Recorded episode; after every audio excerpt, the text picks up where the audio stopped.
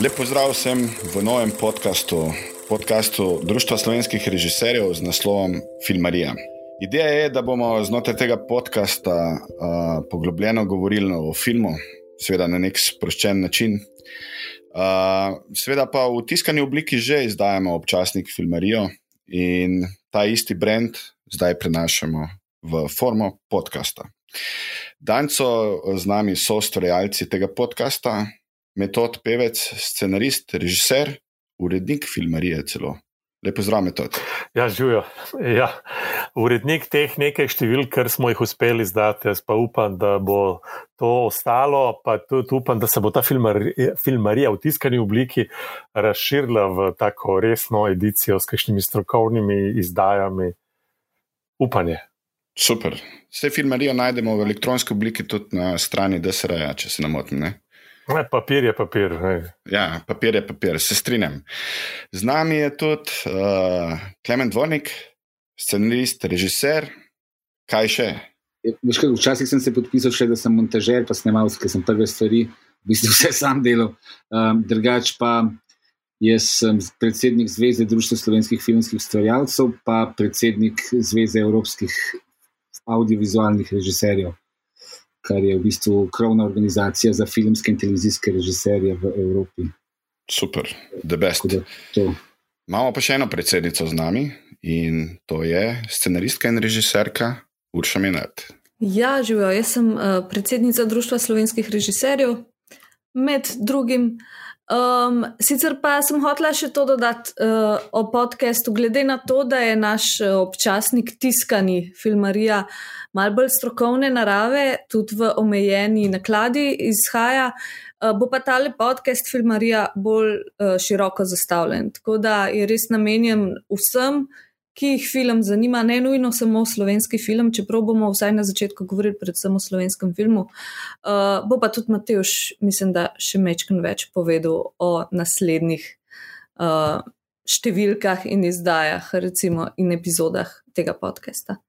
Uh, z nami je pa tudi prevajalec, pa pravlični multipraktik v zadnjem času, pa v bistvu skoraj moj sosed. Boštjan, Gorenc, pižama. Lepo zdrav. Živijo, živijo, živijo. Vidim, da je zadnje čase kar velik pravljic, imaš vsak večer. Ne, vsak večer ne več, to sem delal spomladi v karanteni in ti se bo čist preveč. Sem pogledal pač takrat samo enem mesecu za dve let pravil zgon, tako da zdaj sem bolj. Uh, rečemo, ekonomičen uh, z vsebino, pa enkrat tedensko za molerijo uh, na Facebooku prepovedujem, in trenutno se fol, ne, tako, iščemo s kolegi neke nove formate, s katerimi lahko uh, komedijo uh, prenašamo do ljudi tudi tako prek Zuma. Ker uh, imel sem ena dva una nastopa, ki stand, imaš stand-up za Zoom in je to je nekaj najbolj groznega, ker si pač ti in stena. In, uh, Ni, ni, tako da zdaj delamo nekaj malo bolj tako penalšovaste stvari, malo razvijamo. Da, uh, ker, ko imaš ne, dva, dve, tri osebe, je dosti lažje uh, narediti neko dinamiko. In pa magari tudi, pa, če delno stand-up zapakiraš v dialog, uh, dosti bolj funkcionira. Uh, Matej, prej si super rekel, da je pižama še poleg vsega, kar si naštel, da je slehernik in zato smo ga danes povabili v vodajo. Uh, kakšen slehernik si, pižama, povej nam. uh, slehernik, ja ne vem, uh, tako da. Kakšne filme celo grem gledati v kino, uh, da kakšne filme nameravam gledati v kino, pa zamudim to priložnost, in pa uh, seveda, da ne izkoristim, mislim, da ne zamudim kakšne priložnosti, da na odru uh, uporabljam zdaj na srečo že zastarele stereotipe v slovenskem filmu. In tleh še čas, da se Mateoš predstavi. Mateoš, kdo si in kaj počneš? Kdo sem in kaj počnem? Sem Mateoš Luzer, sem scenarist, režiser, sem tudi eh, predsednik slovenskih scenaristov. Uh, sem pa tudi danes soustvarjalec tega podcasta, ki ima uh, zanimivo temo, po mojem mnenju. Je tema, o kateri smo se znotraj Društva slovenskih režiserjev zelo dolgo pogovarjali, kaj bi bila ta tema, s katero bi otvorili filmarijo.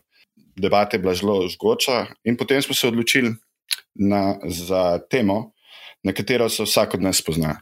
Ni važno, ali si režiser, ali si scenarist, ali si gledalec, ampak zelo dobro se spoznaš na to temo.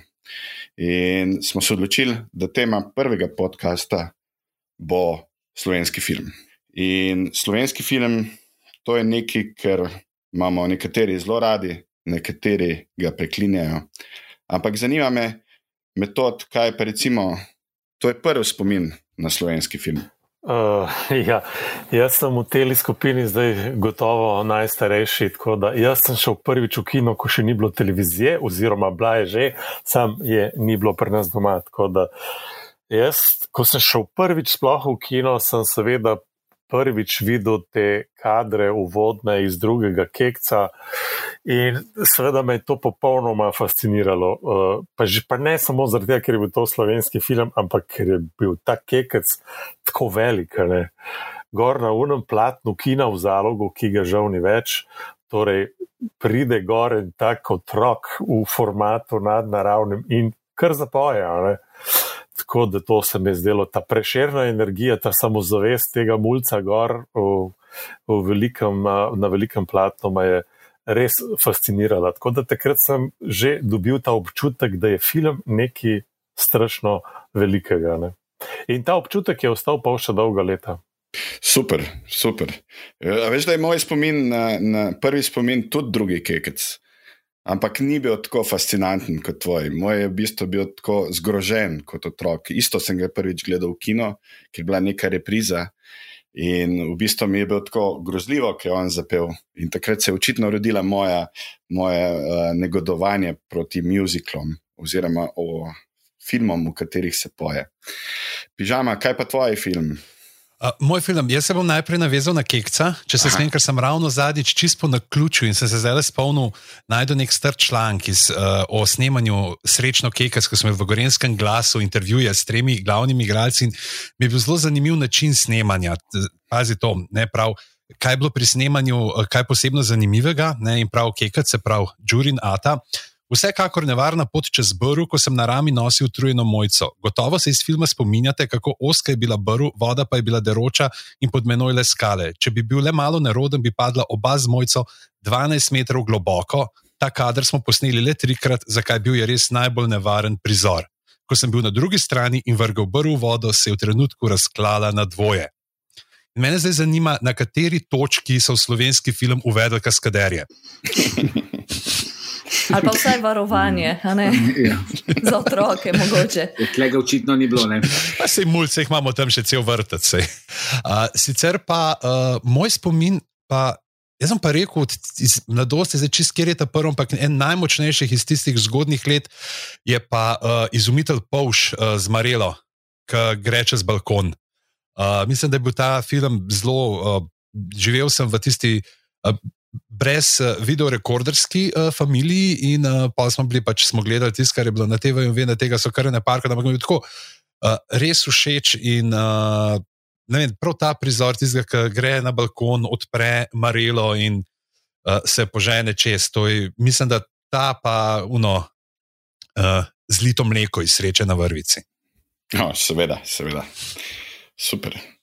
Urša, kaj je tvoj prvi spomin na film slovenski?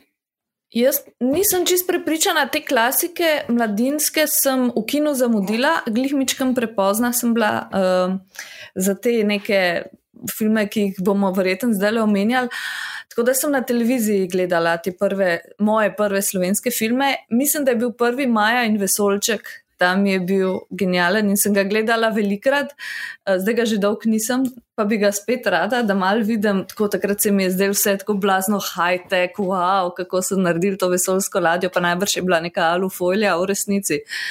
Um, pa potem tudi poletje v školki, ki pa mislim, da sem ga gledala kar ene vsaj desetkrat, po mojem. No. Um, na srečo je televizija Slovenija bila tudi zelo radodarna s ponovitvami takrat, v začetku 90-ih. Kaj pa je bilo to, kar te fascinira, pred poletjem? Uh, mislim, bil je na televiziji, pa sem ga pogledala velikrat. Jaz sem bila sploh otrok, ki je uh, oboževal televizijo, in filme na televiziji, ampak tudi poročila, mislim, da sem gledala. Uh, ampak ja, te poletne romance, takrat jaz se spomnim, ne vem, to je bilo tudi obdobje te lambade, pa teh nekih uh, scen. In pol ta sončni zahod in te barve prelivajoče, mislim, da nam je to vsem ekstremno dogajalo. Uh, pa ful so bili karizmatični vsi ti liki, te otroci. In potem sem pred kratkim spet gledala ta film in so v resnici vsi ti otroci, igravci, res, res zelo dobri. Jaz ne vem, a je to, to je bil najbrž odličen casting direktor oziroma uh, asistenti režije, kdorkoli jih je zbral z režiserjem, pa tudi zelo dobra režija, ker se mi zdi, da so še danes no, vsi otroci zelo prepričljivi v tem filmu, redko ki, mogoče še v sreči na vrvici, no, da so res tako suvereni te mini igravci. Tako da mislim, da je tudi to nekaj bilo, kar nas je čist, nismo se zavedali tega takrat, ampak kar nas je totalno privlačilo, ker se nam je res del, da gledamo neke frajerje tam iz, uh, iz ulice, ne pa nekih igravcev. Ja, se zelo strinjam s tabo. V bistvu. Res so bili frajeri, res so dobro igrali, imeli so super komand. Pa, pa, ena stvar, ki se je pa jaz najbolj spomnim, je pa ta računalnik iz prvega, uh, prvega poletja, ki je kar dal si noter neko vprašanje in si kar dober rezultat. Naš prijatelj vedi. Kaj pa tebe, Klemen? Zdaj sem razmišljal, ker ste vsi razlagali. Moram reči, da ko razmišljam, moja prva izkušnja s filmom uh, sta v bistvu dve v bistvu ni bila kino izkušnja, ampak je, eh, ena je, in obe sta povezane bolj s tem, da je bila uh, lokacija snemanja filma v, v novem mestu oziroma v okolici. Je, ena je čas brez pravljic, ki se je tam snemal po gorjanskih ribih, uh, okrog novega mesta, uh, je hladnik uh, podil novo meščane, tam 400 statistov v hribu, nekje dol. Tako. Tega se spomnim, ker se je to hodil gledati. Uh, In ta film sem tudi v kinu gledal in je bil v bistvu grozen, eh, depresiven, brezvezen. Eh, kar je, da se, se pravi, nek love-hate relationship, ne, se pravi, odnos, uh, ljubezen in, in, in sovraštvo hkrati. Drug tak film, ki pa je, uh, od katerega pa sem jih kar najdel, tudi mislim, imam fotografije uh, sebe kot vem, desetletnika, ki gledamo uh, scenografijo vetra v mreži, ki ga je snimal Filip Robardorin v, v novem mestu na glavnem trgu. Mislim, to sta taka dva fragmenta, uh, ki sta recimo mene zaznamovala v zvezi s slovenskim filmom. Tako da pa mi je bil všeč film, ne? pa da, je, uh, pa da sem ga videl, da je bil prvi tak poletje v školki. Poletje v školki dva. Poletje v školki 2 je meni vzbudil nerealna pričakovanja, ne, ker sem bil prepričan, da bom tudi jaz lahko uspešen kot plesalec, ker sem videl ne bagarje, kako plešajo. Torej, izjemna si nam. Kaj si mi hotel, Mateus, nekaj spodbuditi? Ne, hotel sem te spodbuditi, v bistvu, hotel sem ti povedati, da podpiram ta tvoj lokal patriotizem. Um, ampak ja. Veš kaj, veš kaj je moj občutek, da so to mogoče celo edini filmi, ki so bili posneti v novem mestu, pred, uh, preden je bila samostojna Slovenija. Se tudi polih ni bilo zelo veliko, ampak uh, ne, se mi zdi, da je to tak nek udor uh, neke. neke Fantaz, fantazme, ne? neki filmari so prišli v mesto, pa neki snemajo tam pa vozijo se z nekimi avti, pa kar zamaskirajo z nekimi dilami tam pročelja hiš, da zgleda vse drugače. Mislim, tako, nek, tako, tako čudaško mi je bila ta, ta, neka, ta nek odnos. Eh, do, do okolice, pa do realnosti. Zdaj, da si mi vrnil v spomin, jaz se pa, evo, ki si v kulisah govoril, jaz se spomnim, ko so heretika snemali v Kranju, kako smo se podili tam in kako so po cesti, tam eh, te glavni ulici, čez, cesti čez Kran, Uh, kako pravzaprav ne, tako se je sprehodil, si res imel feeling, da si padel in drug čas, ne, ampak pa, pa i tako mulci pa vzadne in bilo totalno zanimivo glih to raziskovanje tega, kakšno je za kulisje, kako uh, se uh, potem tam ne vidiš, da so res sa, same ena fleha od spretne zadnji pa en kupeni e, enega lesa pa gradbenih odrov in uh, to je to. In pa si rečeš, pismo, vse so mojstri, ne, so mojstri, da jim res rata potem uh, to prikazati. Ja, tako v bistvu vsa filmska scenografija, tako potem kinova vas, dobro, da zgleda fasada od zadaj, pa les in podpornik. Ampak ja, zdaj v bistvu vsi smo govorili o nekem tem prvem spominu. Me pa zanima, v bistvu, ste tako pisana družina, pa a, kaj je v bistvu, kaj vam pomeni slovenski film. Kaj tebi metod pomeni slovenski film? Glede na to, da si bil, kot si sam rekel, najprej gledalec v kinu v zalogu, Potem si bil igralec v slovenskem filmu, zdaj si pa scenarist in režiser. Joj, to, to je v bistvu zelo težko vprašanje. Ne? Jaz nisem imel te priložnosti, da bi film opazoval uh, v zakulisju. Meni se je zgodilo to, da sem zelo rosno mlad padel direkt pred kamero na set in sem se temu snemanju moral čuditi z tiste strani, ki je bila nekako bolj obremenjena tudi. Ne? Uh, tako da, ampak to je počasi šlo. No, tako da jaz sem sprva imel do filma zaradi teh izkušenj z mladinskim filmom, predvsej uh, te niso bile prav prijetne. Uh, sem imel kar precej averziven odnos. Tako da potem se mi je pa zgodil en film, to je seveda film na svetu, naslednji vojni, ki je vse uh, postavil na glavo.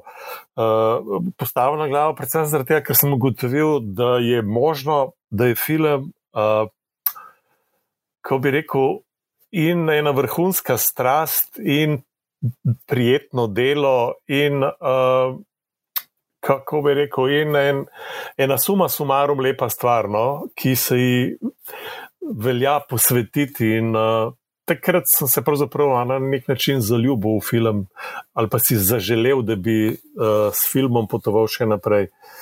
Uh, če bi pa me danes vprašal, kaj mi pomeni slovenski film, uh, bi pa težko odgovoril, ker se mi zdi, da je to pač uh, nekaj in prav bi bilo, da je to pač nekaj samoumevnega. To je ena od naših možnosti izraza v tem uh, slovenskem prostoru in uh, meni se zdi nekaj samoumevnega. Ne?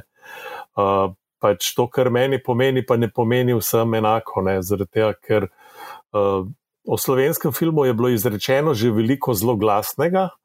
Ampak po mojem, predvsem zaradi tega, ker eh, so v odnosu do slovenskega filma pričakovanja absolutno prevelika, eh, ker nihče ne upošteva, da pač vidimo samo desetino ali pa še manj letne ameriške produkcije, da o svetovni ne govorimo, da seveda potem slovenski film primerjamo z izborom najboljšega iz celega sveta in seveda te primerjave slovenski film vedno ne zdrži. Uh, in tle ga pač malo včasih uh, nasankamo, no, in pol so neka uh, mnenja o slovenskem filmu. Pač še več je pa takih mnen, ki, ki so zelo ostra, ponovadi prihajajo od ljudi, ki slovenskega filma sploh ne gledajo, niti ne spremljajo, uh, tako da je to pol malo irrelevantno. Pač meni pomeni življenje. Ne? Jaz sem konec koncev mu posvetil praktično vse svoje življenje ne? in o tem ne bi kaj rad kaj prida debatiral. No? Ampak ja, kaj je bil pa ta moment, ko si se zaljubil, ko si rekel, zaljubil si se v filmu, v film, na, na, na, v bistvu na snemanju? Uh, ali kako? Ne, ne, jaz, ki smo končali snemanje filma o naslednji vojni, sem res uh, občudoval. Ne? Ampak jaz sem šel takrat svojo pot uh, in sem končal uh, študij primerjalne književnosti in filozofije, in potem nekaj let delal na radiju v kulturni redakciji. In potem sem vse čas čutil to okuženo s filmom, kot da je to pač en virus, ki je vse čas prisoten. In potem sem bil prepričan, da se bom zmazal na ta način, da bom pisal za film da bom scenarist. In tako sem napisal svoj prvi scenarij, uh, ki ga je Viba kupla. Uh, in takrat sem se pogovarjal že bi, uh, z Žiko Pavlovičem, da bi on režiral ta film. Sam potem je prišlo leto 91. Uh, Veste, kaj se je zgodilo, in takrat so mi na ministrstvu, oziroma takrat še uh, najbrž sekretarjatu za kulturo, odsvetovali, da bi en srb takrat v Sloveniji snemal, ne pa čeprav je šlo za Srba, ki je predtem posnel že nekaj dobrih slovenskih filmov, ampak takrat, je, takrat smo razpadli, ne, država je razpadla. Tako da a, potem pa je na ta način pa sem pravzaprav jaz nadaljeval. No. Tako da, hm, kje se je. Mislim, jaz v bistvu bolj nisem mogel spizditi od tega filma, ne? jaz nisem mogel ubežati, zato je šlo bolj. Metoda ta scenarij, ki si ga napisal, si potem tudi kdaj posnel ali je to nekaj, kar ja, je potem ostalo v predalu? To, to, to, to, ne, to je bila Karmen. Ampak je potem, uh, potem je pa tudi tako bilo. Ne, takrat nismo imeli nobenega filmskega sklada, še ne, vse je razpadlo, državnega producenta več ni bilo. Uh, uh, in je Bil je res, eh, so bile zelo čudne okoliščine. Tako sem ugotovil, da pač, če se tega ne bom lotil sam, ne bo tega filma nihče posnel, ne? da bo scenarij dejansko obležal v predalu. Super. Kaj pa te, uh, pižama, kaj te pomeni slovenski film? Kaj, kaj je to?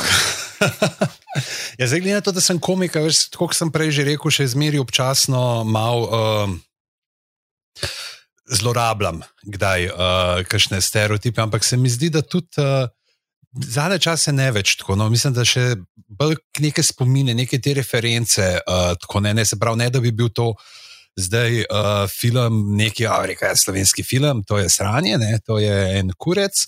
Ampak uh, pač. Uh, da lahko kot pač komik črpam iz neke te uh, domače zakladnice, ne, iz domačega bazena uh, popkulturnega spomina. Tako da, recimo, vem, od tega, da sem.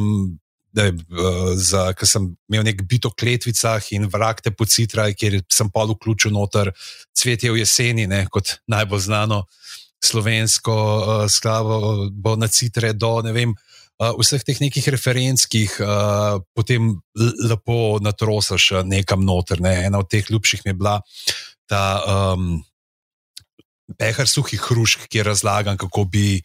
Ne, kako so vloge razdeljene, kako Milena Zupančič igra mamo, ker tako drug ne more igrati mame v slovenskem filmu, do uh, tega, kako poberajo otroke iz uh, okoliških šol, razen za dva glavna lika, da je par let starejša igralca, tako da deset let starega uh, Janeza igra uh, Janez Škof, ne, uh, 11 let staro Lino pa Inti Šraj ne, in uh, tako naprej.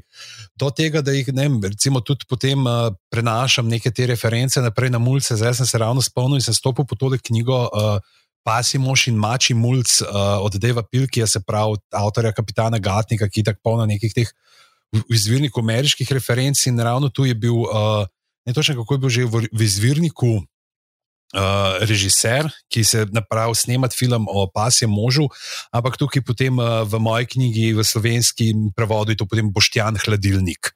In, uh, Tudi igralci so potem, ne, recimo, ena, ta, ki je fatalka, je uh, Katrinja Počasi, uh, komični uh, element je, če kako ga že imamo, unga, ki je enka, je vse nakvihtan, uh, je ok, ta je kvihto strgan, pa je seba k vaza, pa uh, Bojči Šemaršič. Ne, se pravi, da so mi stvari, ki jih pač zaradi tega, ker je. Vsem so določeni liki, določeni igralci, ki jih povezujemo z določenimi vlogami, z določenim žanrom, uh, ne, dajo potem možnost, uh, da lahko tudi uh, daš slovenskim mladim bralcem neke reference, ki jih uh, brez, uh, ki jih mogoče, če bi ne uporabljal te neke ameriške, uh, ne bi štekali. Super, super. Zdaj pa Urša, pa Klein, mene pa zanima, v bistvu, zdaj, ki smo slišali, malo, kaj pomeni metodo pa pižami, slovenski film. Vedno je pa tudi ta vprašanje, kje je pa tvoj najljubši ali pa, ali pa naj, kjer je najboljši slovenski film, to je ta neka uh, fama. Uh, mogoče je bolje, da govorimo o najljubšem filmu, ker to film, je vse en, vsaj po nekem mojem izkušnji, neka zelo osebna stvar. Uh, kjer je vajen najljubši slovenski film? Kjer je tisti film, mogoče, ki je na vaju naredil najboljši, največji vtis? Urša. Jaz Moram reči, da sploh nikoli, jaz, uh, dokler nisem začela delati filmov, sploh nisem vedela, da je slovenski film slab. Jaz sem to šele na akademiji izvedela, ker je uh, sploh ta kliše, ne vem, sploh ni prišel do mene nekako, zato ker tudi nisem gledala teh filmov. Tudi to slabo obdobje slovenskega filma sem nekako bila, mogoče malo premlada, da bi to ujela ali kaj. Jaz sem šla direkt iz čisto pravi gusar, pa Maja in Vesolček, pa teh raznih poleti v školki, um, na ne vem. Outsiderja, pa v Leru, pa dobro, vmes je bila babica, gre na jug, pa potem uh, Express, Express. In meni je bilo to vedno dobro, mislim, to so bili objektivno sto dobri filmi, se mi zdi. No. Tako da sploh nikoli nisem se zavedala te, te stigme, ki jo ima slovenski film, ker vse, kar je do mene prišlo, je bilo dobro ali pa vsaj sem štekala, kako je to nekomu dobro, če že meni ni bilo tako privatno, super. Um, drugače pa mislim. Potem, ko sem bila malo starejša, pa je bil kar um, poletje v školki bolj za otroke, uh, je bil moj najljubši, ki sem ga tudi v kinu gledala, ko je prišel ven. Mislim, da sem bila tako neki konc osnovne, začetek srednje šole, pa me je že kao, ful bolj resno film zanimal. Mi je bil v Leru, um, ki je še vedno, po mojem, moj najljubši uh, slovenski film, odkar lahko rečemo, da je kao, imamo državo Slovenijo, ki uh, podpira filme, včasih bolj, včasih manj, uh, ampak ne, uh, jih tudi delno vsaj mičken financira in tako.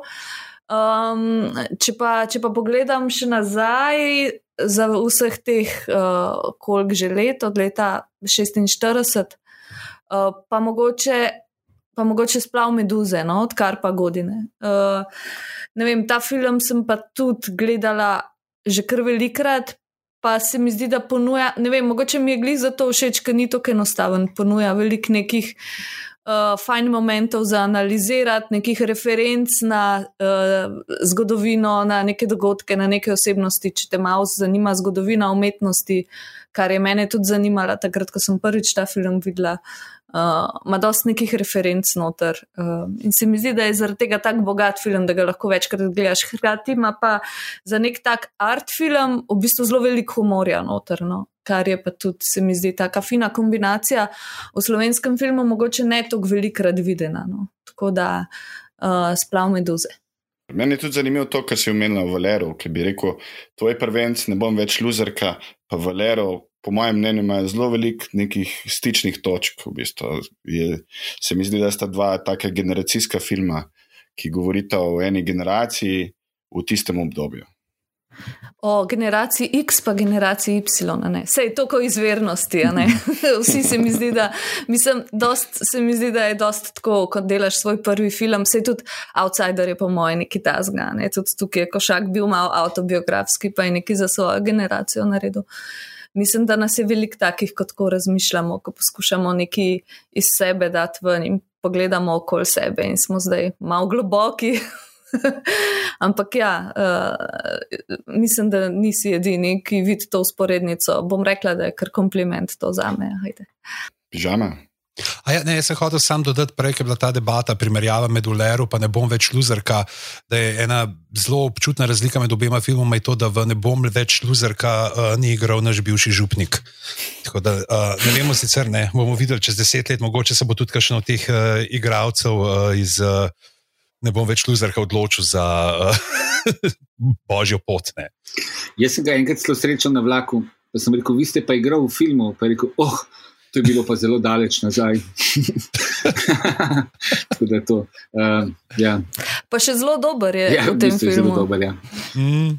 Janes Rus, ne? govorimo o Janezu Rusu. Da, mm, on bi lahko še kdaj v kakšnem filmu igral. Je... Ja, Janes Rus je za Savci, je strbol. Mm. Uh, in je v bistvu na začetku imel to aspiracijo igralsko, ki se je uh, spremenila bolj v teološko. In kot slišim, mu tudi zelo dobro gre. Ja, Klemen, te, tebe sem uh, uh, tudi isto vprašal, uh, me zanima, pri Urši, kaj je to, ja. kjer je ta tvoj najljubši slovenski film. Pa da ne bo zdaj spet ta lokal patriotizem v Nulaču. Če bi bil lokal patriotizem, pa bi rekel na svoj vesnik, vse ne. Uh, ampak gre, uh, uh, gre za tako. Jaz sem že več kot v življenju, sem si neke te schemo delo, kje mi, ne, katero obdobje slovenskega filma mi, mi dobro uh, dober dene. Uh, moram reči, da uh, meni osebno je zelo blizu nasvidenju v naslednji vojni. To je film, ki sem ga gledal kot mulj, pa pol, ki sem na akademiji, ki smo študirali uh, sem gledal in vsakič ima neko drugo plast, neko drugo noto. Zdaj, pred kratkim smo ga gledali, ker smo ugotovili, da ga je treba restaurirati v kinoteki. Uh, in se mi zdi, da vsak, v vsakem gledanju me uh, drugače zadane uh, in mi je vsakič v bistvu bolj zanimiv. In pol v bistvu. Ne vem zakaj, ampak tako me, se, se mi poveže na ta film, par filmov, uh, ki so me definirali, ko sem uh, v bistvu raziskoval slovenski film, en od teh je Akcija od Kavčiča, ki se mi zdi najboljši slovenski noir. Uh, uh, se pravi, to je to reševanje iz piskra uh, zapornikov. Uh, drug tak film, ki se me tudi dotakne, je uh, tistega lepega dne. Se mi zdi tak, uh, najbrž za moj okus ena najboljša slovenska komedija. Uh, tako to.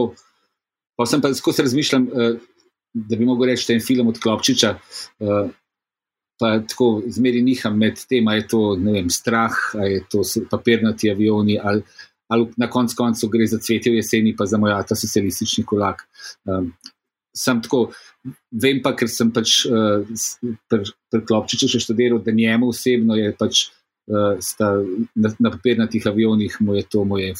Do njemu zelo blizu. Da, recimo, če podrobno gledaš na papirnatih avionih, pa če ga večkrat gledaš, tudi vidiš, v bistvu zelo velik klopčič noter, kakšen on je v resnici bil, se pravi, njegovo notranje doživljanje, uh, kako je on dojemal svet, pa ljubezen, pa intimnost. Pa Zato se mi zdi, recimo, tako iskren film. Če bi mogel reči, kateri film je iskren, bi rekel ta.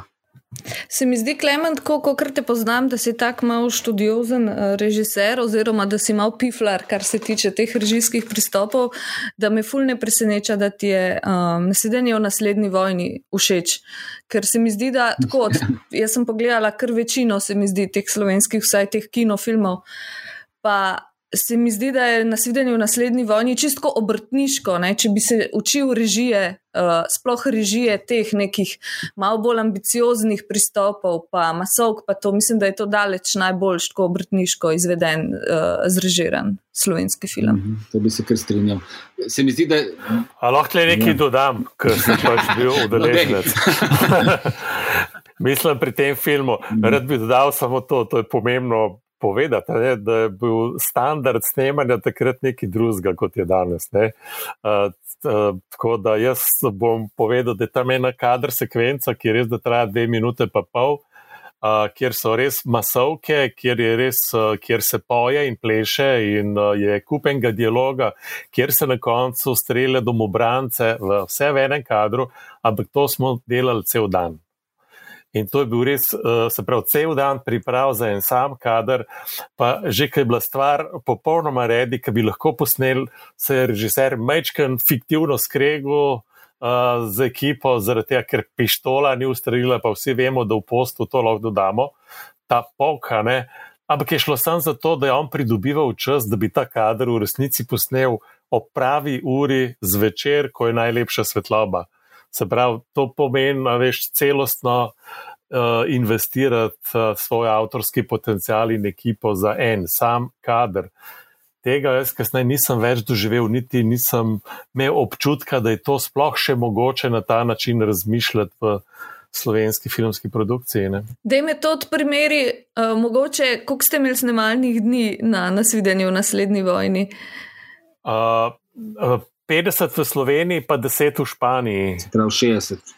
Mi smo imeli na jezeru 55 snemalnih dni, recimo, te šest epizod uh, po 50 minut. To je, zdaj, to je ta razlika v standardu danes. Uh, sem hotel reči metod, da v, v bistvu gre za najbrž najbolj legendarno, po moje, najbolj uh, kultno, kultno kader sekvenco znotraj slove, uh, opusa slovenskih filmov. Se pravi, to je ta scena, ki se začne od tam, kad ti boksaš prideš ven. Pa... Ne, ne, ne, tisto je ampak, tudi dolga. Ampak prideš ven, pa gledaš, neki na, gledaš, na, gledaš na, nek, na neki tabli. Ne, to, to, to je sekvenca, ki se začne vas. z. Spo... Pa voz. Ja, planina. Ne, planina, uh, to. Uh, uh, to nek, ta nek trg planinski, začne se noter z enim dialogom, uh, z Tonetom Kuntnerjem, potem pridem jaz ven, grem. Ja, to, ja. uh, dialog naprej, uh, pokonja, tajna, Tanja, pleše, kaj ja. za čok, pridajo pripeljejo domobrance in gre kamera okrog in jih postrelijo tam z enim zidom. Vmes ima še Ivo Bantam, ne govor. ja, to so bili res eni fascinantni časi, mislim, tudi uh, fascinanten režiser. Uh, mislim, da. Res je škoda, da so te časi, časi dinozaurov izginili. Kdo je bil pomočnik režije na tem filmu? Zobec? Uh, Blasta dva, ja. bil je Peter Zobec, pa bil je še en. Uh, Uh, ko mu ne spomnim se imena Lema, je pisal, kako bo Bob. Ne, ne, Boban, Boban, Boban Beograd. Zanimivo je, to, uh, zanimiv je, da je to, kar včasih spregledamo, je, ne, take masovke, režiser ne more sam narediti. To je od, odvisno od, od praktično celotnega režijskega, produkcijskega uh, in še kakšnega drugega osebja na filmu.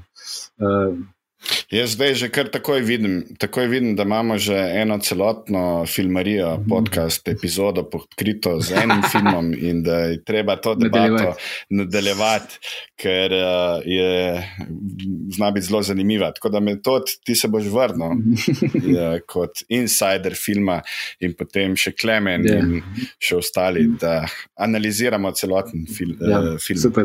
v Pa detajlu. da spodbudimo državo, da ga restaurira. Točno to, da naredimo Ja. Peticijo. Sem ne morek, so restauracije zaprte. Lepa. Pižama vedno aktualen. Izjemno. Žama, kaj pa ti?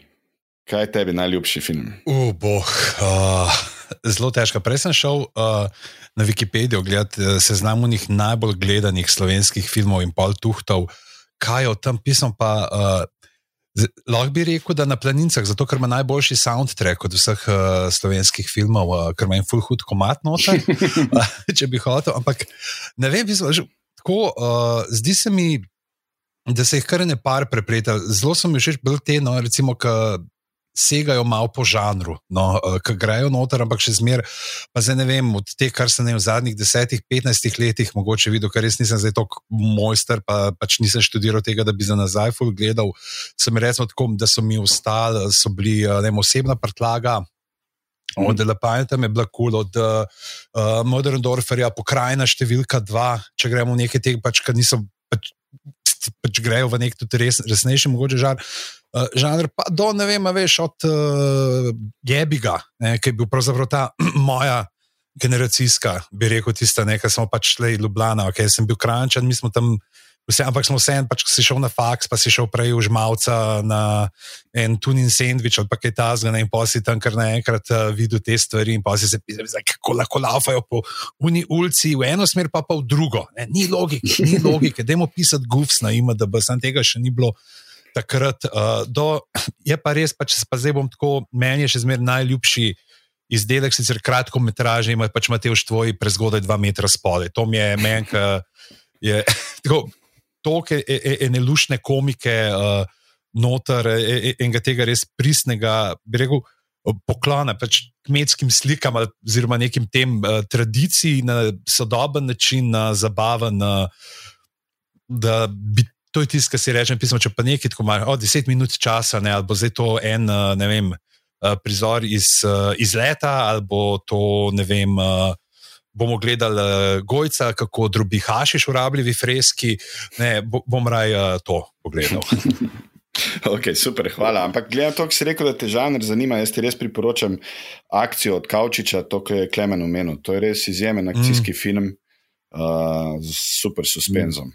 Pa klasičen noir v tem stilu, uh, recimo Kazablanke ali pa vem, uh, Sierra Madre. To je ta prav mm. klasičen ameriški noir. Ja. Sem pa grig zaradi tega, če smem še dodati, pa če sem res fan teh filmov, ki pa so pač, ali prispevali k temu. Uh, Stereotipu, oziroma niti ne, ampak mogoče to je pač neki film, ki bi se jih dal zelo dobro mistikati, na, na ta Mystery Science Theater. Ne? Pa če smo zdaj pri tej rabljivi freski, ki smo jo že omenili, tle je ena full zgodba. Jaz sem šel dejansko ta film gledati v kino. Sem bil eden od, čak, se sem gledal, koliko jih je, eden od 3800 ljudi, ki je, to, ki je plačal karto za ta film. Predvsem zaradi tega, ker ta film je bil full na hajpan na ljubljanski. Uh, hip-hop sceni, ker bi po nekem planu bi moral Klemen Klemen uh, narediti, uh, pa pasi, ker bi moral narediti komat za uh, film. In je bil tudi dejansko narejen, pač mi smo tam nek tape imeli, kaj Klemen repal. Uh, pred nekaj, ki v tem srednjem veku živel, je moč, ker ljudi je peko, to je bilo v času nožev in sabel, tip je bil pač rabel. Uh, ne, in to ne bi bilo pač, veš, fakin, pač tam, veš, sred 90-ih, da zdaj bo pa rep v filmu se znajdu. In potem greš gledati in se mi zdi, da te pač. Isto kot Morana, variantica, full dobro nastavek, pa se pa točno vidi, na katerem mestu zmanjka keša ali česar koli, in morajo potem neki, kar bi trajalo pol ure, eno uro za normalen potek zgodbe, naredijo pač pa, evo, tukaj je pa uh, osma sezona Game of Thrones zdaj. ja, se zelo strinjam s tabo, tudi ja, Morana ima izjemen nastavek za dober horor. V bistvu. mm. Ja, kaj boš pa zdaj počel, pižama, ker noč mogel sploh gledati slovenskih filmov?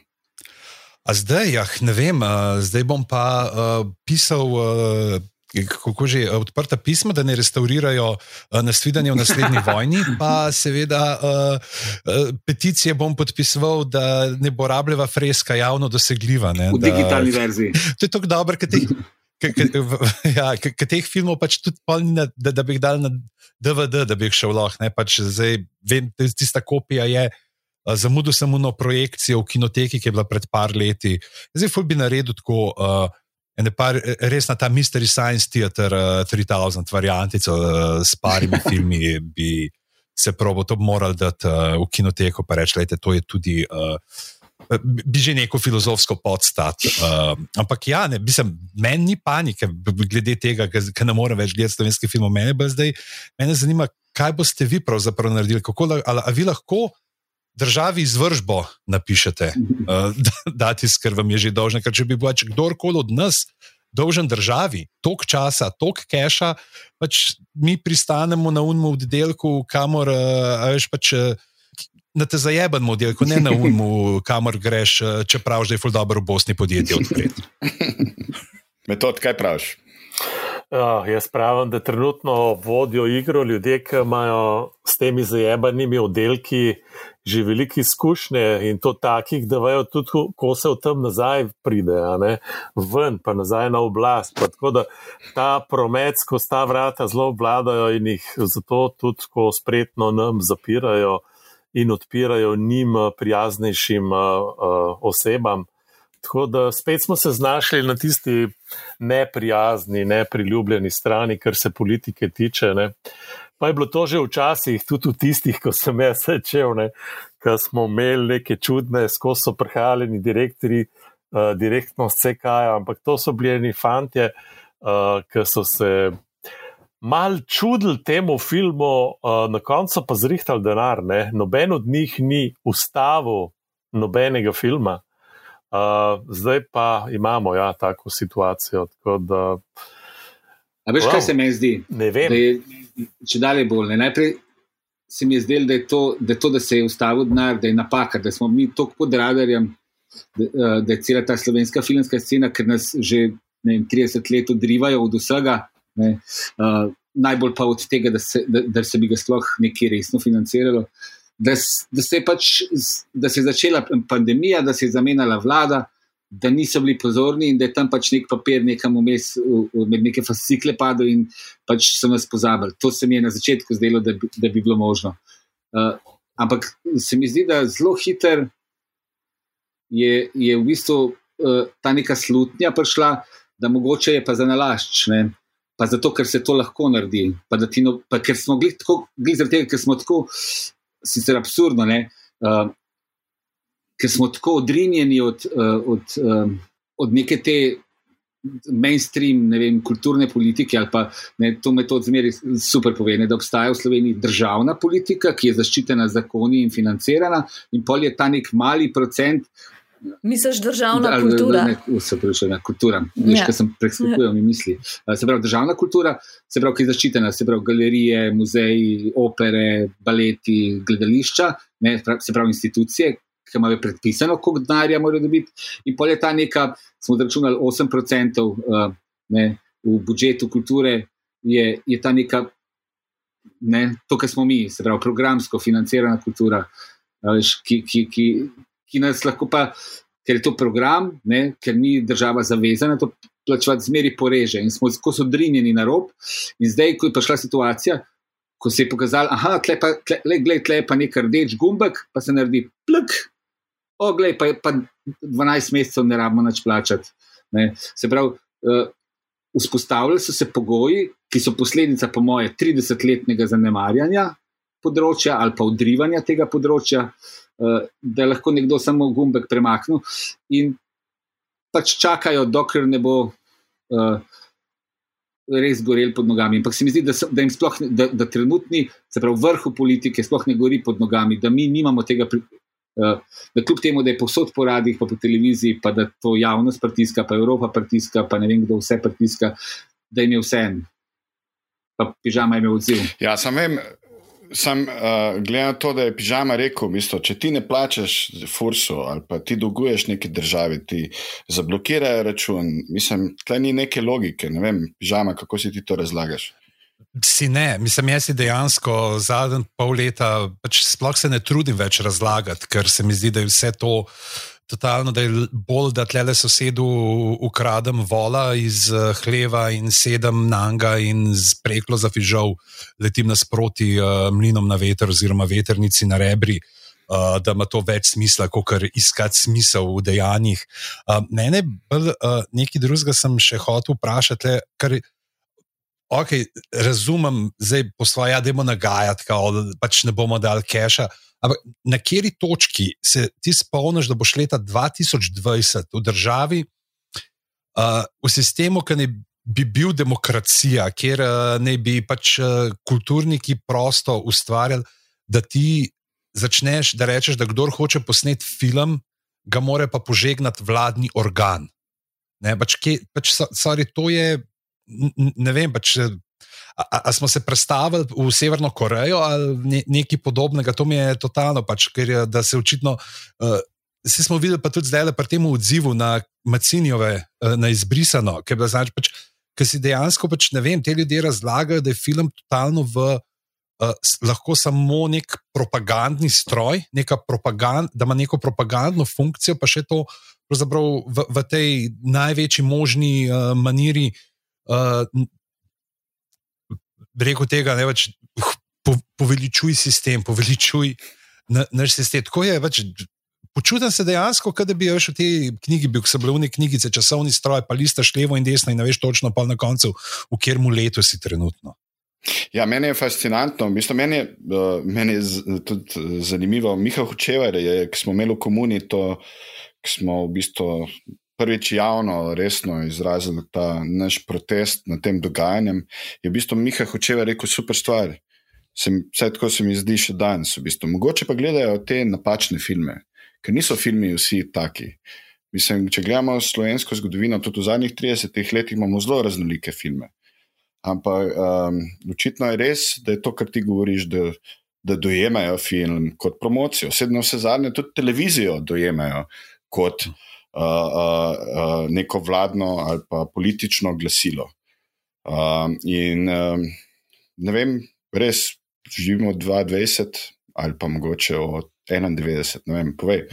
Ja, tle se mi zdi, da je podoben uh, nekako dojemanje. Uh, Uh, filma, tako kot imajo dojemanje knjig, kjer pač pravzaprav jaz to vidim, ker se ukvarjam z mladinsko literaturo in je pač zelo uh, ciklično se ponavljajo te stvari, da dajo kakšno knjigo za cankarovo priznanje, kakšno domače branje, in potem reče dve grdi besedi nekdo. Ne, Pričemer je to, ne vem, v knjigi je total, ne, v, to v funkciji tega, da ga karakterno označi to osebo, da ponavadi je to pa še nekdo, ki ima negativno vlogo, ampak potem pa imaš neke te duše, duše brižnike, ki planijo ne, na to knjigo in pravijo: Ja, ti oni pa hočejo otroke naučiti, kako grdo govoriti po vsem. To se mi zdi, to je nekdo je rekel, da to, pač, to so ljudje. Ki so v življenju prebrali, edina knjiga, ki so jo prebrali, je bila kuharska knjiga. In zaradi tega pač razumejo, da, da vse, kar piše, je navodilo, kar je zapisano, je navodilo, kaj moraš ti početi. Da nimaš sposobnosti vem, razpoznavanja uh, različnih uh, nivojev globin besedila in dojemanja ne, tega, kako funkcionira besedilo. In da se pa tudi tukaj pri uh, filmih uh, imamo stik z uh, istim tipom človeka. Morda edini film, ja, edini film, ki so ga pogledali, so bile reklame. Mislim, ja. Jaz tako vidim to logiko. Film po njihovo mora nekaj reklamirati, ali pa biti za neki, ali pa proti nečemu. Ni neke sive cone, uh, ni neke kompleksnosti. Uh, reklame pa ta tu ni nov video, kako, um, kako že ga evakuirajo tisti njegovi specialci. Jaz mislim, da je to ta diapazon dojemanja. Me pa zanimivo, da, je, da jaz mislim, sicer eh, recimo, en nivo dojemanja tega, kaj se dogaja, je ta, ne to, kar zdaj Urša pa, pa, pa, pa, pa pižama razlagate. Ampak v resnici, ko od blizu vzad gledam, ne, kaj se dogaja, pa jaz mislim, da to delajo za nalašč, da je to dimna zavesa za nas, da se zaletavamo vanjo. Da v resnici imajo, da je. Da je, uh, da je uh, ideja, zakaj se to dogaja, ful bolj kompleksna.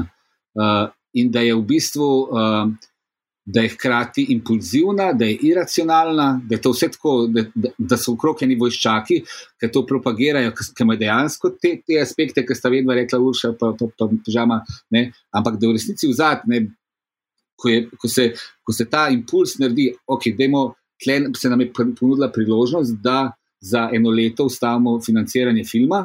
Ne, uh, kaj ćemo narediti, ne? uh, in se da nekaj narediti. Aha, dajmo videti, kdaj bojo skočili, pa kako hitro bojo skočili. Pa dajmo to, kar bojo skočili, uporabiti nam v prid, da bomo rekli, da samo filmari se lahko, lahko uh, komentirajo filme. Dej ne ti komentirati, ker če boš komentiral, te bojo filmari požalili. Mislim, nekaj take. Ne?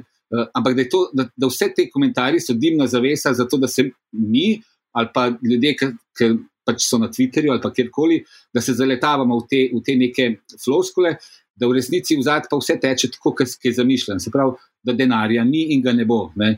Veš, uh, in, in, da, in, in da se bo na koncu izkazalo, da so v bistvu naši zavezniki tisti, ki bodo rešili, v bistvu so. Uh, Tisti, ki bodo rešili zadevo, so uh, nepričakovani heroji, po mojem. Mm.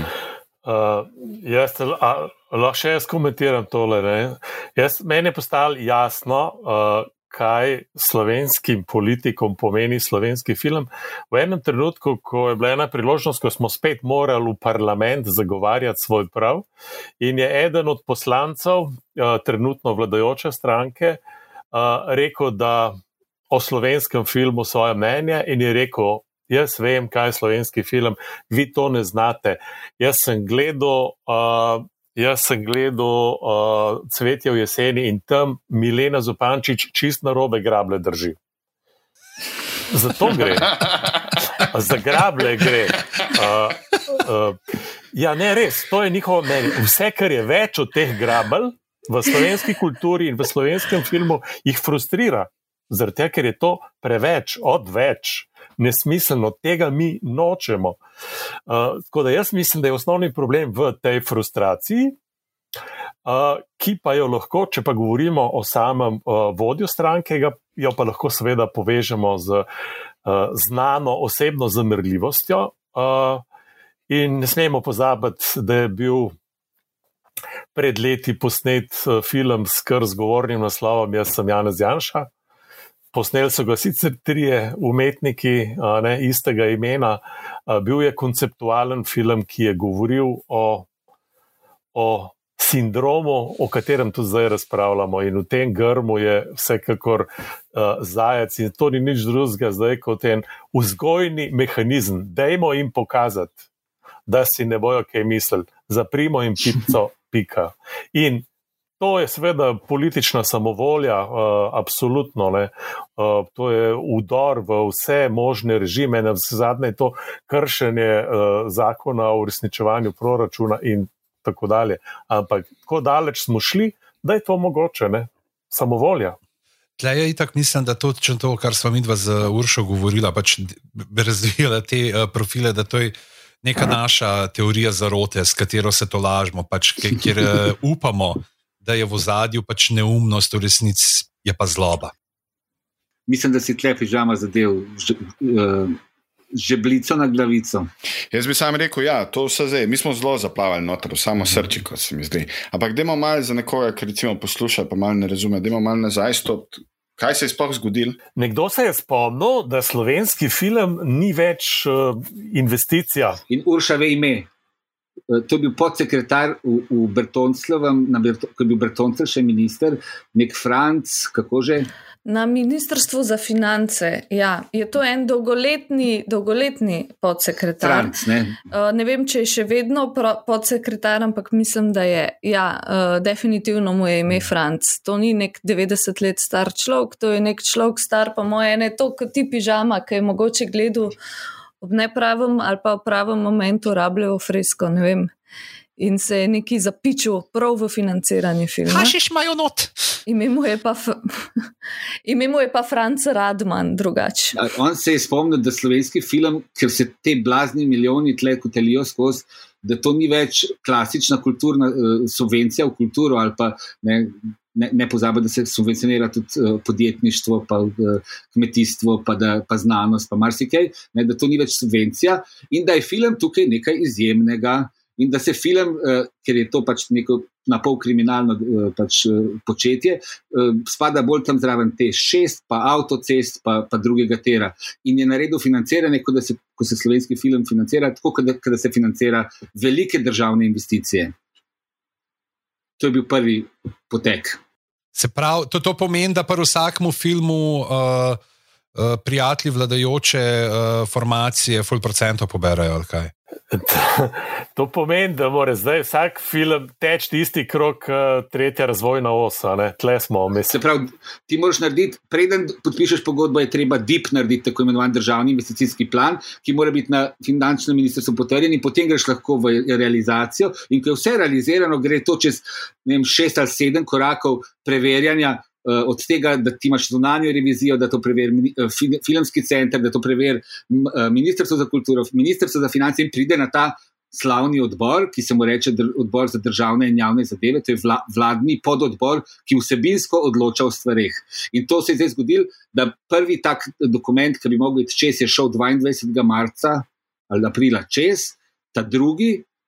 Je pa prišel 12. maja, ko so se že uh, fanti, ki so prišli na oblast po Bertonclu in uh, uh, sošolcu Šarcu, ne, uh, ko so prišli tam, pa da so se zavedali, kaj se dogaja, ker je korona malo spustila, maja so ugotovili, da oni pa lahko ustavijo. Preprosto tako, da ne obravnavajo tega. In od 12. Ja, sam, ja, sam takole, zdaj, ja, da ne obravnavajo tega na tem odboru, ampak to je zdaj kar tako malo zamegljeno. V bistvu, vsaka dobra zgodba rab dobrega antagonista. Mislim, James Bond film je dober, kadar ima super antagonista. Takrat je dober. Ja, te bo preletel, pol glede na bo preletel eh, NVO za čisto Savo. Ne, ti imaš, ti imaš, ti, ne, ti imaš tako, ne. A veš, ko gre zdaj ta dokument, ki, je, ki, ki mu mi rečemo, ne, kaj je načrt za financiranje slovenskih filmov, ki ima noter deset filmov in pride 12. maja iz Ministrstva za finance, ki reče, da je vse v redu s tem dokumentom. Ne. Uh, celo komentar neke sekretarke je, da je to vzgledno pripravljena dokumentacija. Ne? In zdaj to pride na Hojsovo mizo, kjer to Hojs in Predalič gledata ta dokument in imata zelo dobro idejo, kako filmarjem ne plača do decembra nič. Ne. Kar je še zmeraj boljša ideja, kot da bi se spravljali lektorirati tekst. Ampak jaz, jaz imam še eno stransko teorijo, če smo že pri teorijah zarote. Uh, jaz sem večkrat doživel eno zelo nenavadno stvar, da so ljudje opazili, da ne samo jaz, ampak da vsi mi, ki delamo filme, da pri tem uživamo. In to je za določene, ki so zaposleni v državnem aparatu, greh. Zdaj, a delaš ali uživaš? Ne? ne more, ne gre to skupaj. In zdaj bi mi bili radi, pa še plačani za to, ker smo imamo fajn. Jok, brate, ne bo šlo, tle neki ni v redu. Ne? Tako sem res to čutil, mrsikdaj z te strani, uh, politične strani, kot eno zamero, da se imamo mi fajn, medtem ko mhm. delamo te svoje stvari. In pol je mrsikdo, še celo kakšen razumen človek, rekel: Pa zakaj pol hočete denar za to od države? Dajte vi za kruh, snemite reklame, ne? filme pa za užitek, se jih tako uživate. Uh, pa, pa smo čisti, ne? pa ni treba državi dati nič uh, subvencij, ja. investicij. Za država naredi še nekaj. Mi imamo, ave, prosti, Mateuš, država ima, ima industrijo. Ne? uh, AVE industrijo kar razvito in je ta velikost je tam 60 milijonov, približno, koliko naredimo z AVE industrijo v Sloveniji, se pravi, audiovizualnimi, se pravi, z vsemi snemanji, ki se dogajajo, če izključimo televizije, ki je pa še dodatnih 200, mogoče milijonov ali pa 150. Ne? Govoriš tudi o teh snemanjih, ki se na trgu to, to, tako zelo ja. dogajajo. Ja. Znotraj tega trga imamo mi 4 milijone 700 državne subvencije. Ne? Zdaj, to v nekem, v nekem kontekstu enih, uh, ne vem, uh, recimo, recimo film napram ali pa kultura napram kmetijstvu ali pa ne, agronomiji, je, je, je to razmerje 1 proti 270. Se pravi, v, v kmetijstvu se 270 krat bolj subvencionira kot film. In to je, to je neka, neko poprečje za Evropo. Recimo, uh, in zdaj, tisto, kar je subvencionirano, ne, ni noben dal iz žepa, se pravi, to ni cent, ki ga ti daš, ko plačaš kruh, ne pa si davek plačal. Ampak so to v bistvu industrija sama naredi v Sloveniji tam nekje okrog 11 do 15 milijonov davkov, ne? in vsaka pametna država to, kar industrija sama naredi, vrne v, v nazaj v industrijo, ampak na način, da se dela kompleksnejša, zahtevnejša, bolj. Um, Se pravi, produkcija, ki, se je, ki je trg, sam ne sproducira. Sam zdaj, tle, jaz malo bi se navezal na metoda, ki je rekel uh, o tej teoriji, da mi uživamo. Jaz ne vem, jaz ne, ne uživam, ker delam film, jaz trpim. Uh, ampak. Se pravi, si umetnik. Jaz sem umetnik, ja. ampak je v bistvu bi se pa navezal na to, kar je Klemen govoril. Uh, ne vem, koliko je te pižama to znano. V bistvu, da evropski film v veliki večini funkcionira z državno pomočjo. Tako, kar... Itaka ni tako, da so filmi dejansko dobro. To vem, ker sem videl zadnjič imel tisti pogovor uh, za knjižnico, da dejansko pač ni nobenega filma, ki bi ga iz, uh, financirala izključno ena država, pa gre vedno. Zdaj pač za koprodukcijske projekte znotraj. Ne? Se pravi, se zglik zdaj, da je bilo ta teden, da ne vem, iz kere države je prišel honorar za film ja. na slovenskega, pa še čakamo. Ne, v bistvu se je zgodilo to, da je uh, uh, projekt v nastajanju, uh, Kapa, uh, prijel v Luksemburgu pol milijona evrov. Je tudi bil je v načrtu za realizacijo preko Slovenskega filmskega centra, tudi pri nas. Ampak, recimo, absurd se je zgodil, da projekt je dobil denar v Luksemburgu, v Sloveniji ga pa ne dobi. To se pravi, imamo projekt, to se pravi, kjerkoli država, bi že kjerkoli direktor ali pa politik skakal po glavi in govoril v prime timeu vseh nacionalnih poročil, da tujci nam hoče dati pol milijona evrov, mi ga pa ne damo. To bi poslušali 14 dni in potem bi odprli neko lekirnico v neki vasi. Uh, in uh, tle je isto, mi se moramo se zavedati, tri mesece nazaj smo prijeli, so trije producenti prijeli pol milijona evrov od Evropskega sklada za razvoj novih projektov. Se pravi, film je neke vrste malo podjetje, je nek startup, ki prinaša svež kapital v Slovenijo, ne samo kapital, ampak tudi sodelavce, ki jih najdeš širom Evrope. Pa še tako, to sploh niso filmi, ki pri nas jim nočemo dati denarja ali pa nismo, jim nismo dali denarja. To so filmi, ki so bili pri nas uh, strani strokovnih komisij izbrani v te programe, imajo podpisane pogodbe z državo, da bodo dobili pač denar za produkcijo, ampak zdaj to stoji. Ne? In prišli smo celo do takih absurdov, zdaj zihar se spomnimo kakšnih teh, ne vem, gigantskih številk, ki so se valile po, mediji ob teh, po medijih ob teh državnih investicijah, velikih, kot je recimo T6, pa uh, ne vem, avtocestni križ, pa tako naprej. Ampak zdaj, čist sam za ilustracijo, o čem se naši kolegi na vladi oziroma na tem vladnem odboru uh, ukva, pogovarjajo, s čem se ukvarjajo, kaj more ta bogi Aleš Hojs, ki predseduje temu odboru in um, te njegovi prijateljčki na vladi, v kakšne detajle se oni spuščajo. Oni dejansko bi radi sami odločali o tem, a se potrdi po 20 tisoč evrov za nek koprodukcijski film. To so taki zneski, tudi med drugim, ki tam stojijo. Recimo, čistko en primer, ki je meni se zdi najbolj bizaren, za en film, ki je bil leta 2017 že potrjen na razpisu. Medtem je bil posnet, bila je premjera v Berlinalu, kjer je dobil nagrado. Eh, medtem je dobil tudi nagrado Evropskega parlamenta, nagrado Lux, bil je distribuiran v ne vem koliko državah, na neskončno festivalih, eh, bil je na shortlisti, mislim, da tudi za to jezičnega Oskarja. To nisem čist pripričana, ampak eh, vsekakor tudi v igri za Evropske Oskarje. To je makedonski film Bog obstaja, ime je Petrunija, najbrž ste ga tudi gledali, bil je pri nas že v kinodistribuciji in temu filmu smo Slovenci dolžni še par tisoč evrov od skupaj 45 tisoč, ki smo ga Slovenci investirali, zato da se lahko podpišemo pod pač ta en zelo, zelo uspešen film. Alež Hoj zdaj lastnoročno želi odločati, oziroma najbrž kar njegov šef, gospod Janša, želi lastnoročno odločati, ali bo teh zadnjih par tisoč evrov v filmu, ki je že bil strašno uspešen na tem celem evropskem distribucijskem parketu še dodelil ta nek zadnji honorar. V take detajle se mi spuščamo. Tukaj sploh ne gre o nekih milijonskih zneskih, ki bomo režiserji pospravili v svoje žepe, ampak o nekih tako. Um, Tako drobnjakarski no, so postali te gospodje. In tako mislim, da tukaj mora biti neka zelo, um, neka zelo globoka želja po kontroli nečesar, česar očitno ne razumejo. Ja, v filmu se zdaj pojavlja kakšen kolonot. Sam jaz mislim, Urša. Mislim, ena stvar je Urša to, da, da, so, da so te filmi koprodukcijski, ki mogoče so manjši zneski. Obstajajo pa filmi, kjer jim država dolguje več 100 tisoč evrov. Tako da imamo pestri nabor 33 filmov.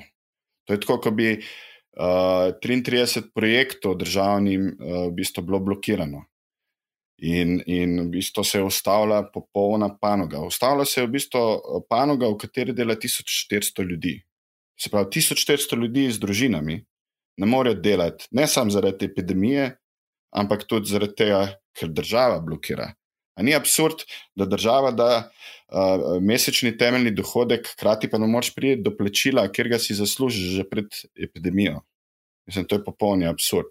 Mislim, v kakšni državi živimo. No, sej, kdor si ne predstavlja, kaj pomeni teh 1400 ljudi, si lahko zavrti v glavi eno odjavno špico od kjerga koli filma. Tudi slovenski eh, filmi imajo kar dolge odjavne špice, zato ker na vsakem celovečernem igranem filmu, recimo, zelo hitro dela vsaj ene 200 ljudi. In uh, vse te ljudi je seveda treba plačati, in mi jih želimo plačati pošteno in pravočasno, ampak um, trenutno je na 33 projektih velik del teh ljudi, uh, vsaj na teh, ki so večinsko slovenski, no, teh je po mojem okrog polovica, praktično večina teh ljudi ne poplačani. Ja, mene še zdaj, kdaj je ostal kakšen eh, človek, ki pravi, da je bil status v filmu Nasvidenje v naslednji vojni, kako je bil dobro plačen. Če še enkrat omenim ta film. Ampak eh, se pa mečkam bom uprl, ker ne bi rad videl, da uh, motiv in razlog tega, te blokade, da bi postavili na ta imenovalec nekega čudaštva te skupine ljudi. Ne gre za čudaštvo, večkrat, po, če bomo malo povezali stvari, se bo izkazalo, da ni. Če govorimo o ministru za notranje zadeve, ki je hkrati predsednik tega odbora za državno ureditev in javne zadeve, ki pripravlja naše, ki naj bi dala naše gradivo na sajo vlade, na dnevni red. Pa tega ne stori. Ta ista oseba je bil do nedavnega, sveda, direktor medijskega podjetja Nova 24TV in s kakšno nogico in ročico, verjetno tam še vedno uh, ima kak interes, ne na vse zadnje, je še vedno delničar tega podjetja. In mislim, da gre pri tej politiki tudi za to, da zdaj degradirajo slovenski film, ga blokirajo, ga onemogočijo, ga šikanirajo, zaradi tega, ker se s tem ustvarja nek nov prostor. Na podoben način usporedno upoštevamo, da na tak način šikanirajo tudi nacionalno RTV, da pripravlja zakonodajo, s katero bi za 8% zmanjšali proračun javne RTV. Eh, čeprav bi morali, uh, seveda, že zdavni povečati ta uh, skromni prispevek. Skratka, mislim, da je to pravzaprav del neke priprave novih pogojev za drugačno audiovizualno industrijo, ki bo imela drug predznak, predvsem bolj populističen, pa predvsem bolj servilen do uh, oblasti in tako dalje. In da v bistvu je to samo prvi korak, da nas uh, šikanirajo, živcirajo, prikrajšajo, da se sektor skrči, zmanjša.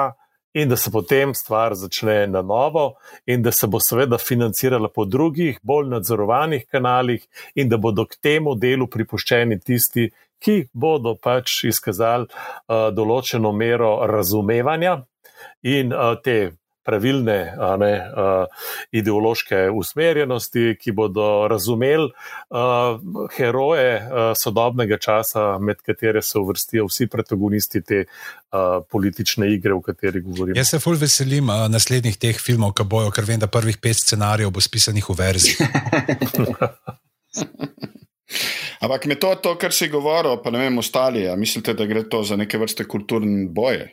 Ali? Jaz tukaj vidim usporednico s tem, kar je mi to odpovedal. No? Vidim usporednico s tem uh, napovedanim muzejem osamosvojitve.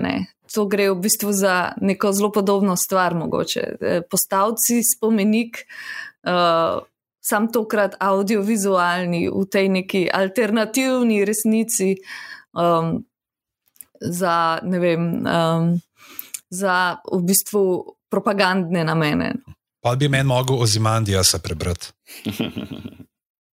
Meni je recimo pa ta muzej osamosvojitve, mi je pa v bistvu očiten znak, v bistvu ne očiten znak samo te politične garniture, ampak v bistvu nasploh za celotno slovensko politiko.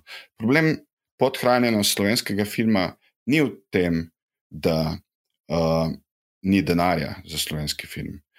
Uh, ampak je to samo stvar neke politične volje. To se pravi, če se neka politična opcija odloči, film nam je kulturna prioriteta, ker zaradi njega se predstavljamo po celem svetu, ohranjamo slovensko besedo, nagovarjamo mladino uh, uh, in še druge stvari, mogoče spodbujamo gospodarstvo, uh, potem je to stvar politične odločitve, da pride do dodatnega financiranja in da ta panoga zaživi, kot uh, si zasluži. Uh, ne vem, žama, če si slišal, mi smo pred leti, mislim, dve leti napisali nacionalni program za film, tako da ne bomo sami jamrali, smo tudi pač se nekaj dotaknili nekih potencijalnih rešitev. V... Niste jamrali, ste iskali rešitve. Iskali smo rešitve, zato ker je takrat uh, dotični premijer rekel: Ne jamrajte, iščete rešitve. In metod, kaj smo tam noter napisali? Kaj smo napisali? Ja. Tisto je dobro napisano, to ni le seznam želja, tam je v bistvu analiza stanja na audiovizualnem področju, detekcija vseh eh, problemov.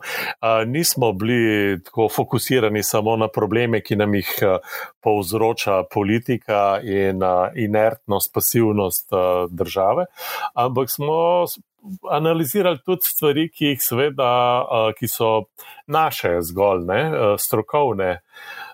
In, in skratka, pri vsakem problemu, ki smo ga detektirali in analizirali, smo seveda tudi nakazali možne rešitve. Ne, in mislim, da je to 60, 60 ja. takih nalog in rešitev.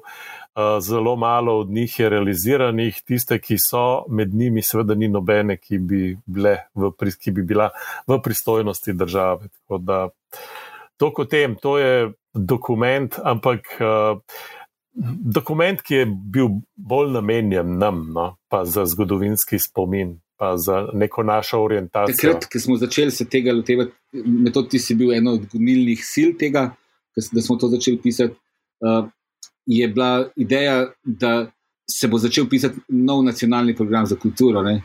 in da mi moramo imeti svoj prispevek, ker prejšnji uh, nacionalni program za kulturo ni imel uh, primernega, pač primernih rešitev za filmsko področje. In v tem smislu se mi zdi, da, da, se, da smo se lotili tega pisati. In, in rešitve so kompleksne ne?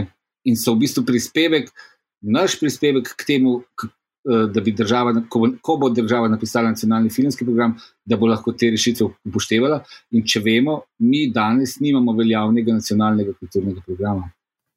Imamo pa veljaven nacionalni program za film. pa zaprto ja. pipo, ne. Uh, ne, ampak se mi zdi tako, no, kar se tiče tega nacionalnega pro programa za film, uh, se stvari tako planirati. Uh, vse se je izkazalo tudi, da so bili vsi uh, nacionalni uh, programi za kulturo bolj ali manj neka neko tako, bi rekel, politična beletristika. Ne. To je nikogar ni zares zavezovalo, uh, niti formalno, niti ne verjamem, da je kdorkoli na ministrstvu uh, kdaj kasneje odprl uh, ta program. Ministri so se menjali s preveliko frekvenco in nihče ni hotel uresničevati programa nekoga drugega. Ne. Iz prejšnjega mandata je to zavrgel in iskal nove rešitve. Uh, in sestavljal nove komisije.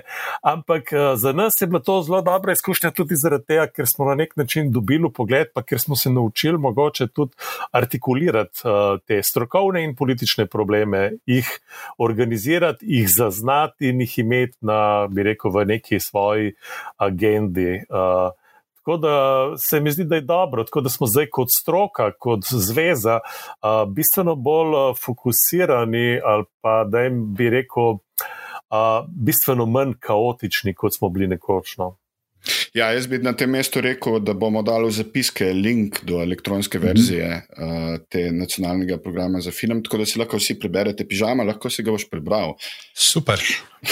Uh, ni, ni, ni pa še animiran. No, ja. Mislim, da če se hoče počakati, prosim. Ne, hotel sem samo nekaj vprašati, pač glede tega. Um, A so bile kakšne tudi uh, inicijative, pa se zdaj ne vem, zdaj kakšna je tudi vaša pozicija do tega, ampak uh, kako iz uh, privalske z določenimi temi lošavami za privabljanje pol tujih uh, produkcij, ki zdaj, kot vem, pač po takrat, po tistem, ko so narnijo snemali, pravzaprav edina večja stvar je bila zdaj, ko so ta Wheel of Time, uh, da je prišel k nam, pač, ker ne jaz kot nekdo, ki gleda od zunaj, jaz to razumem kot, pač, da če ti privabiš uh, od zunaj produkcije, ti dejansko daš ful enemu domačemu kadru možnosti, da tam dela, da se pravzaprav s tem, kar dela z neko tujo produkcijo, ki lahko pač res ne, zdaj govorimo o Hollywoodu, Netflixu, v teh stvareh, na višjem nivoju dejansko pravzaprav s tem ti ne samo, da dobivaš denar, da dobivaš v DDV in vse, ki ga tudi pač, če ga jaz skozi te inici, uh, inicijative pa nekaj vrneš, dejansko je tukaj pol enega znanja, ki ga lahko uh, domači uh, izvajalci uh, dobijo. Ne? Pravzaprav, ker pri nas je to, pač, ko kar gledam, spet en zunani, je ful problem pač ta kontinuiteta delanja, ne, uh, vsaj določenih stvari. Od, vem, če gledaš tega, se pravi, kako določene zvrsti na TV-ju, imaš bum, pa polnoč in nimaš ljudi, ki bi nadaljevali, ki bi peljali nekaj znanja naprej, in potem se spet pojavi. Se zdi, da se treba spet zidati od začetka. Ne, bi, a, a, a v to smer se. So spet, mislim, so kakšni premiki, ja, zakon, tudi, obstaja, želje. Zakon je bil uh, speljan, zakon, mi, mi temu rečemo v slovenščini denarna povračila, ker takrat, ko so to zakon pisali, vse, kar je, ko, ko si dal besedo davčna, zunaj so tax shelter, tax, uh, tax rebate ne, ali pa. Uh, in ministri za, za finance nikoli niso dovolili, da je beseda davčna noter, ko se, ko se je zakon pisal, zato se je pač izumil ta izraz denarna povračila. Gre za sistem, kjer država uh, povrne upra, uh, davek ali pa določen procent upravičenih stroškov, ki jih porabiš na produkciji. Uh, in to je tudi način, kako v zunaj ogromno krat financirajo uh, določene produkcije. Ne? In iz tega so Hrvati naredili cel biznis, takrat v času Hrvoja Hribarja na Havcu. Uh, se pravi, Slovenija ima tukaj dva, dve napake v tem zakonu. Prv, prva napaka ali pa napake. Pomankljivosti je ta, da v kontekstu širše regije mi imamo 25-odstotno denarno povračilo, v, v, v regiji imajo pa že bla, nek, nekje že veliko više, recimo, mislim, da imajo Mačari 35 ali neko tako cifro. Da ima recimo Severna Irska, ima, mislim, da 39, ker zračunanje je, da se splača, se tam med 39 in 40 odstotki se še vedno splača ta denarno povračilo delati. Uh, In drug problem je, da, da država mora za ta denarna povračila imeti rezerviran nek denar v svoji B-bilanci. To ni denar, ki gre kot subvencija, no, zato ker, se, ker moraš imeti samo vrečo denarja, ki se vrti. Zato, ker, ti, ker denarno povračilo deluje tako, da oni denar porabijo, pa se pa še sedem mesecev kasneje to povračilo izplača nazaj. Se pravi, v tem kolesju država v bistvu profitira, ne, ko se to, ta, ta denar zavrti. In zdaj In se pravi, to sta dva ključna problema. Da imamo pri nas 25, ko imajo v okolici že 30-35 to in so, in so zaradi tega v okolici bolj zanimivi kot mi. Drug problem je, da imamo pri nas samo en milijon rezerviran, da v najboljših časih, recimo Hrvati, so imeli, mislim, da 5 milijonov rezerviranih, uh, da je ta en milijon pri nas na Ministrstvu za kulturo, ne na Ministrstvu za gospodarstvo, tako kot bi morali biti. Uh, in še en problem je, da, da domači producenti, če bi svoj lasten denar investirali, ne morejo do tega denarnega povračila prideti. Uh, se, in to je nek tak kontekst. Uh, res je pa še to, ne, da uh, ni, da ni zanimanja. Zanimanja je kar velik za snemanje pri nas. Mi smo v bistvu zelo zanimiva država, prav za neki tasga. Uh, pa ne samo zaradi geografije, tudi zato, ker imamo zelo izšolane ekipe, vsaj imeli smo jih, no, dost nekih zelo izšolanih tehničarjev je pač šlo delati v tujino. Mi ne vem, če veš, pižama, mi imamo recimo enega najboljših operaterjev Steadicama na svetu. Eh, človek je posnel cel Jojo Rabbit, recimo, eh, zdaj pred kratkim, pa še veliko drugih stvari. Eh, in to je nekdo, ki je živel in delal v Sloveniji z nami, vsem je snemo, že kdaj se mi zdi. Pa zdaj živi druge in dela druge, predvsem um, za neke velike evropske projekte, pa tudi za pač te ameriške produkcije. In um, škoda bi bilo, da ne bi izkoristili tega potencijala, ne? ker bi marsikaj lahko kar se snima na Mačarskem, na Hrvaškem, v Italiji in tako naprej. Marsikaj od tega bi lahko posneli pri nas uh, in bi imeli vsi nekaj od tega. Tako da, uh, no, mi, režiserji, še najmanj, razen to, da bi se pač potem na naših projektih lahko te ljudje, ki bi se na teh velikih komercialnih, recimo tudi ali pa ne, ampak na teh velikih tujih produkcijah nekaj naučili, da bi lahko mi to malo izkoristili, to njihovo tehnično znanje. Um, ampak ja, ne vem, zakaj smo nekako vedno zadnji. Uh, kar se tiče teh nekih ja, sem, uh, Urša, naprednih po, idej. Urša, po dolgih, po dolgih uh, letih prizadevanja smo končno prišli do tega zakona. Ni popoln, ampak ga imamo in funkcionira. Uh, je pa res, da uh, bi bilo treba dosti več narediti, da bi več projektov prišlo in mogoče več denarja nameniti in po, povečati to. Uh, neko denarno povračilo.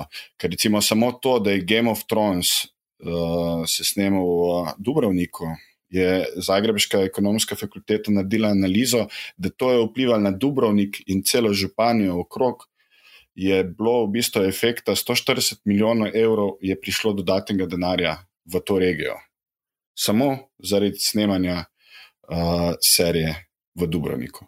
To je en velik potencial v tem. In zdaj če se mi vprašamo, da recimo uh, Renault reče, da bo v Revozu v novem mestu uh, uh, delal novega Twingota, in, ampak mora dati država za to 140 milijonov evrov, da bo Renault gradil, sestavljal vsako leto. Twingota, vsako leto. Kako ne more potem uh, ta ista država nameniti slovenskemu filmu 11 milijonov, da bi razvijal svoj sektor? In nazaj noter prenesel v bistvu dodatna delovna mesta in doda pobral dodatne davke.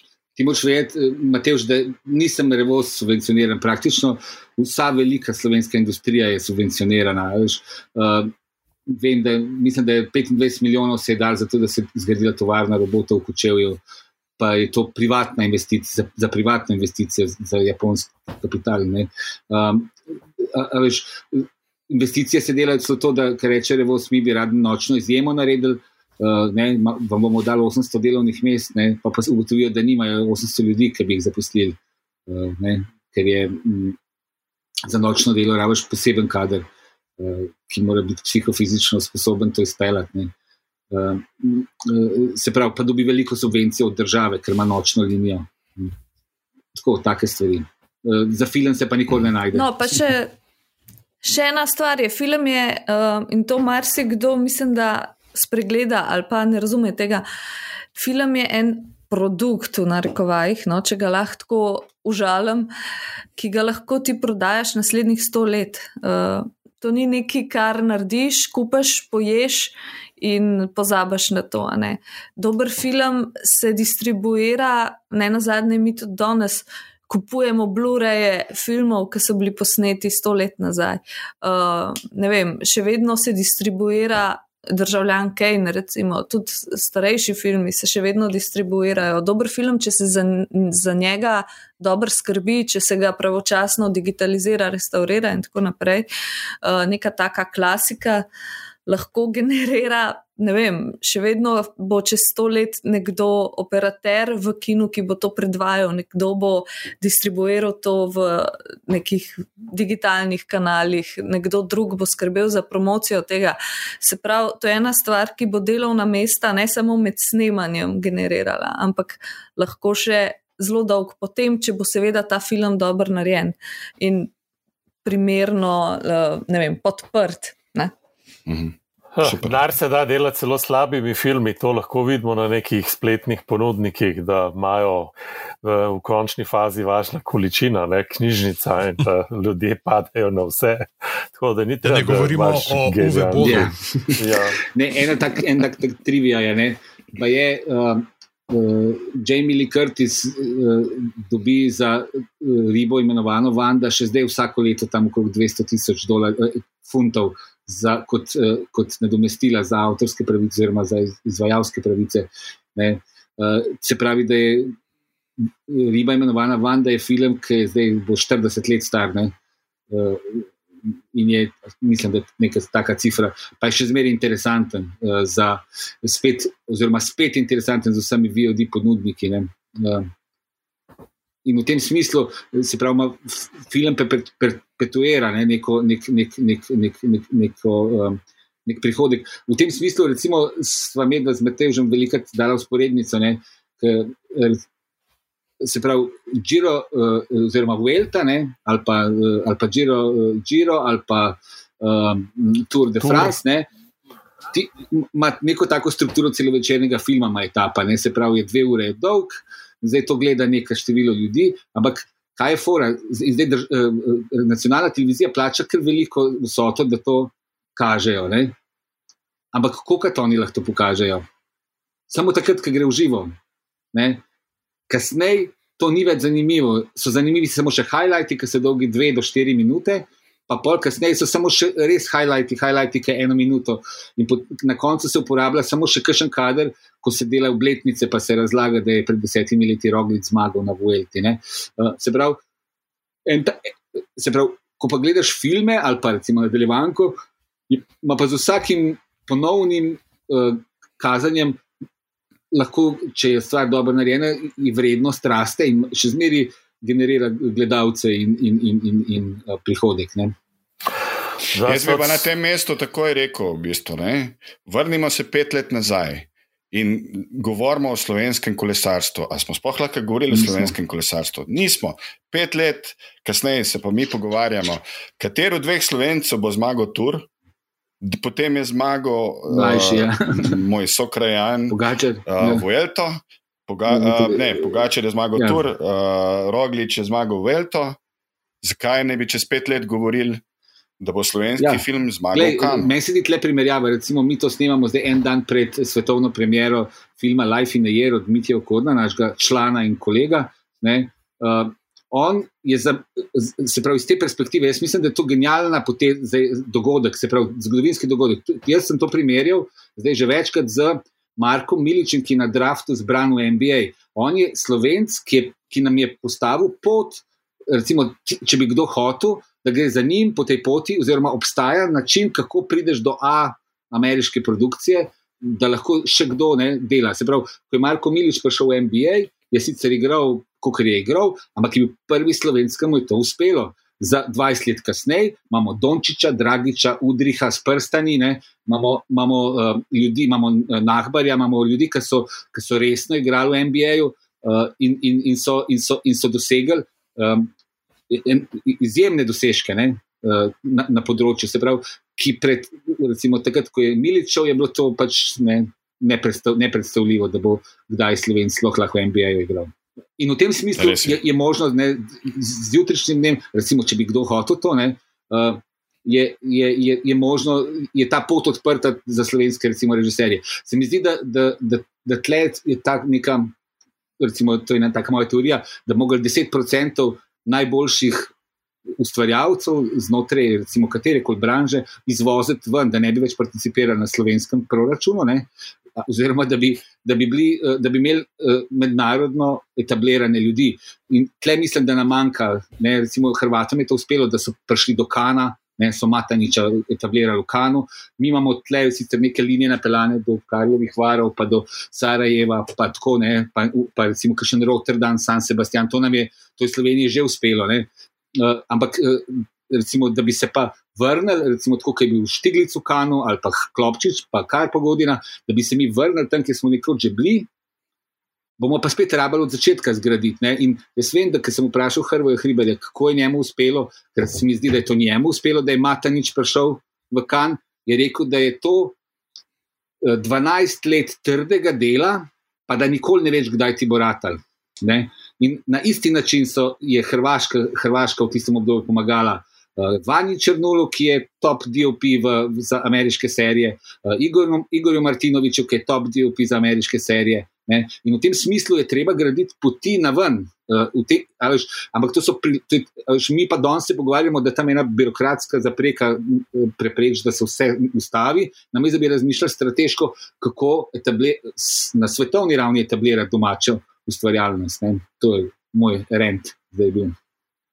Je, meni, meni je super, v bistvu, na to temo slovenskega filma smo toliko še nekih podtem odprli, ker bo še v uh, prihodnih filmarijah, podcastih um, definitivno prilika, da jih bomo lahko še bolj uh, razdelali. Ampak meni je v bistvu pižama rekel, jaz prijem v ta vaš podcast, fil, še ni vedel, da se mu bo rekel filmarija, samo če bom lahko zastavil zadnje vprašanje.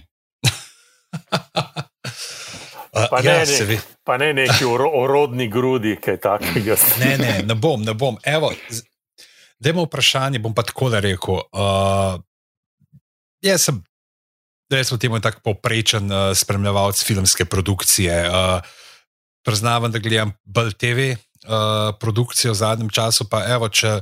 Okay, Jojo Rebita sem gledal, ki si ga prej omenila, že tako da tle sem videl, tle sem poznavalsko prikimal. Uh, in uh, bom rekel, evo, če imate, uh, kaj je en film, ki se ga da videti na kakšnih teh streamingih, ali pa tako se pravi, da ga lahko pogledam legalno, brez težav, pa da bi rekel, evo, da je to pa neki en tak del, ki mogoče ni pač una A produkcija, ki je bila od posod nametana, ampak kaj, recimo iz zadnjih desetih let, kaj je neki tazga, kar se pa res splača pogledati, zato da si razširim malo svoje filmsko obzorje. Tlej si zdaj načel eno zelo bolečo rano. Uh, praktično jaz sem brez svojih filmov, mrsikdo od nas je brez filmov, ker niso digitalizirani, ker so v obliki, ki je ne moremo streamati, mm. ker so na filmskem traku, ki se vrti, lahko samo še v kinoteki, od tam pa ni nobenega live streaminga. Tako da je v bistvu zelo omejena količina filmov, ki so na tak način sploh lahko dosegljivi. Je pa res, da je za to premalo poskrbljeno in da je to ena od nalog, ki nas čaka ja, v prihodnosti. To je za slovenski film. Zdaj pa, če bi rekel, eh, metod še, eh, če, če je bazen cel svetovni film ali pa recimo evropski film. Evropski, ta hip, evo, gled, bom kar tega rekel, ker sem ga ravno danes študenti obravnaval in je res uh, dober film uh, o, o duši in telesu. Kaj je Ildiko, ja. mačarska režiserka? Ildiko, Ildiko, ja, no? ja, pa, je, uh, angliški naslov je On Body and Soul. Film, ki je vrhunsko zrežiran, ki je na meji med uh, resničnostjo in fantazijo, film, ki je zelo dosledno napisan, uh, film, ki ima res vse odlike dobrega evropskega filma. Nagrajen v Berlinu in še kje. Izjemen predlog si dal. Kaj pa ti misliš, Uče? pa bi omenila mogoče en dokumentarc na HBO Go. Uh, mi smo pa še eni edinih na svetu, ki imamo HBO Go, vsi ostali so že prešaltali na Max. Uh, kaj že HBO Max. Max ja. uh, no, skratka, tam lahko pižama in vsi ostali, ki to poslušate, um, pogledate film, ki se imenuje Druga strana svega. To je dokumentarc uh, režiserke Mile Turajlič, To je uh, srpska režiserka, po mojem, tako nekje moje generacije.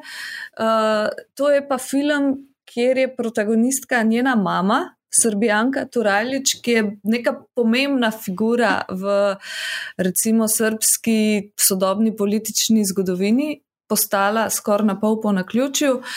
In to je film, ki skozi neko osebno zgodbo, njuno ali pa te njene družine, eh, režiserkine, govori tudi o zgodovini sodobne Srbije. Je tako zelo duhovit, zelo ganljiv, ta mama je nek genijalen lik, uh, blista obe tudi pri nas na Lifu kot gosti in sta ga žurali potem z nami v Cankarjevem domu.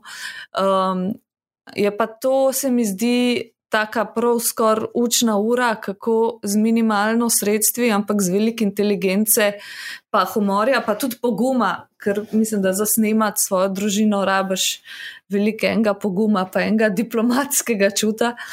Um, narediš nek film, ki bo res, po moje, prav nek dokument, no, uh, tudi za zgodovino. Uh, to je en moj najljubših filmov zadnjih, ne vem, desetih let. Uh, in je kratek, je zabaven, ampak je pa tudi zelo, zelo nekako um, ganljiv in poučen. No? Vsaj za te, uh, mislim, da pižama si ti tudi en od teh, pa uh, jaz sem tudi ena od teh, um, za ljudi, ki smo mal, ki nas zanima ne vem, nacionalna identiteta, pa zgodovina, pa uh, neke te uh, politične spremembe, recimo v neki naciji, pa te neke masovne uh, narodne psihoze, ki se vsakih par let dogajajo v tem nekem našem, rečemo, skupnem prostoru. Um, Balkanskem, če se tukaj za moment uvrstimo. Um, Tako da, ja, no, eh, druga stran svega, zelo priporočam. Jaz pa ne bom rekel evropskega filma, ampak ti bom rekel kolumbijski film, ki je v bistvu ameriški, ampak je kolumbijski. In sicer Monos, ki sem mal uh, zdaj obseden s tem filmom, sem ga nekajkrat že gledal. Uh, se mi zdi, uh, gre za, za film o uh, otroških gverilcih, na visok, na nekih v nekem visokogorju oziroma nekih planjavah uh, v Kolumbiji, ki, ki stražijo uh, eno talko, neko doktorico. In uh, film je ena taka alegorija, lahko večjih stvari. Uh, se pravi, alegorija mogoče adolescence, alegorija nekih uh, razmer, nek, uh, se pravi, neke države, uh, Eh, nekega, se pravi, nekega razpadlega sistema. Uh, tako malo me spominja, me spominja na Hercogov uh, Aguirre, uh, The Wrath of God, se pravi, uh, Božji srd, Aguirre, Božji srd, ali pa mogoče na, na Apokalipso, uh, zdaj od, od, od um, Kopole, ali pa celo tako malo na, na, na, na uh, kaj to Lord of Flies, se pravi, je. Uh, čuvar, gospodar, gospodar Muh. muh, ja. gospodar muh. Nekaj, Ni te pa ne spominjali na Manos, da je ne se pa ne. Monos se pa imenuje, Monos so, so opice, ne drugač. Um, uh, mm. se pravi, trop opic. Um, ekstremno interesanten film, tudi iz tega, kako je narejen, pa kako, ima, kako izrablja atmosfero, pa kako je. Uh, kako izrablja subjektivno perspektivo uh, pač protagonistov. Tako, zanimivo, mm. zelo. Hvala, Matejš. Ja, jaz bi pa rekel, uh, jaz bi tudi ostal v Srbiji, posebej zaradi tega, ker ta film je v tem tednu se odvrtel tudi na uh, programu. Uh, Ljubljanske televizije, oziroma televizije Slovenije. Uh, in to je uh, film Teret, uh, film, ki je bil pred dvemi leti prikazan v Kanu. Uh, naredil v bistvu zelo bogato festivalsko pot. Je pa izjemen, zelo intimen film, nekako v centru je voznik avtovornjaka, ki, ki prevzame nek tovornjak za časa NATO bombardiranja. In potem ta tovornjak voz uh, na odrejeno lokacijo, seveda pa ne ve, kaj on voz v, uh, zadnji, v prtljažniku. Tako da ta zelo precizno zrežiran film, uh, zelo, uh, film, ki ima zelo nek tak super suspens, tako da bi ga vsem priporočil. Ker mislim, da je tudi film, ki je ki, ki televizija velikrat zavrti določene filme po televiziji, ampak če, v, če nekdo ne opozori na ta film, gre kar mal mim. In mislim, da Teret je izjemen film, ki je nastal tudi na uh, v bistvu. Potem, ko je režiser Ogden uh, Glavonič naredil dokumentarni film, je potem naredil na isto temo tudi igrani film Teret. Jaz bi pa tako, uh, ker ste me realno že prosili, če še jaz povem en film uh, od evropskih mesecev. Moram da reči, kako se spomnim, a jasno se šteje, jasno je evropski. Ne, ja. me, ampak predlagal bom pa enega, ki sem ga nekoč čisto slučajno ujel.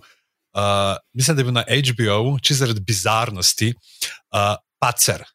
Uh, mhm. -huh. Sicer gangsta, uh, čisto zaradi tega, ker se mislim, da si se zdaj zapečatil nadaljno vabila.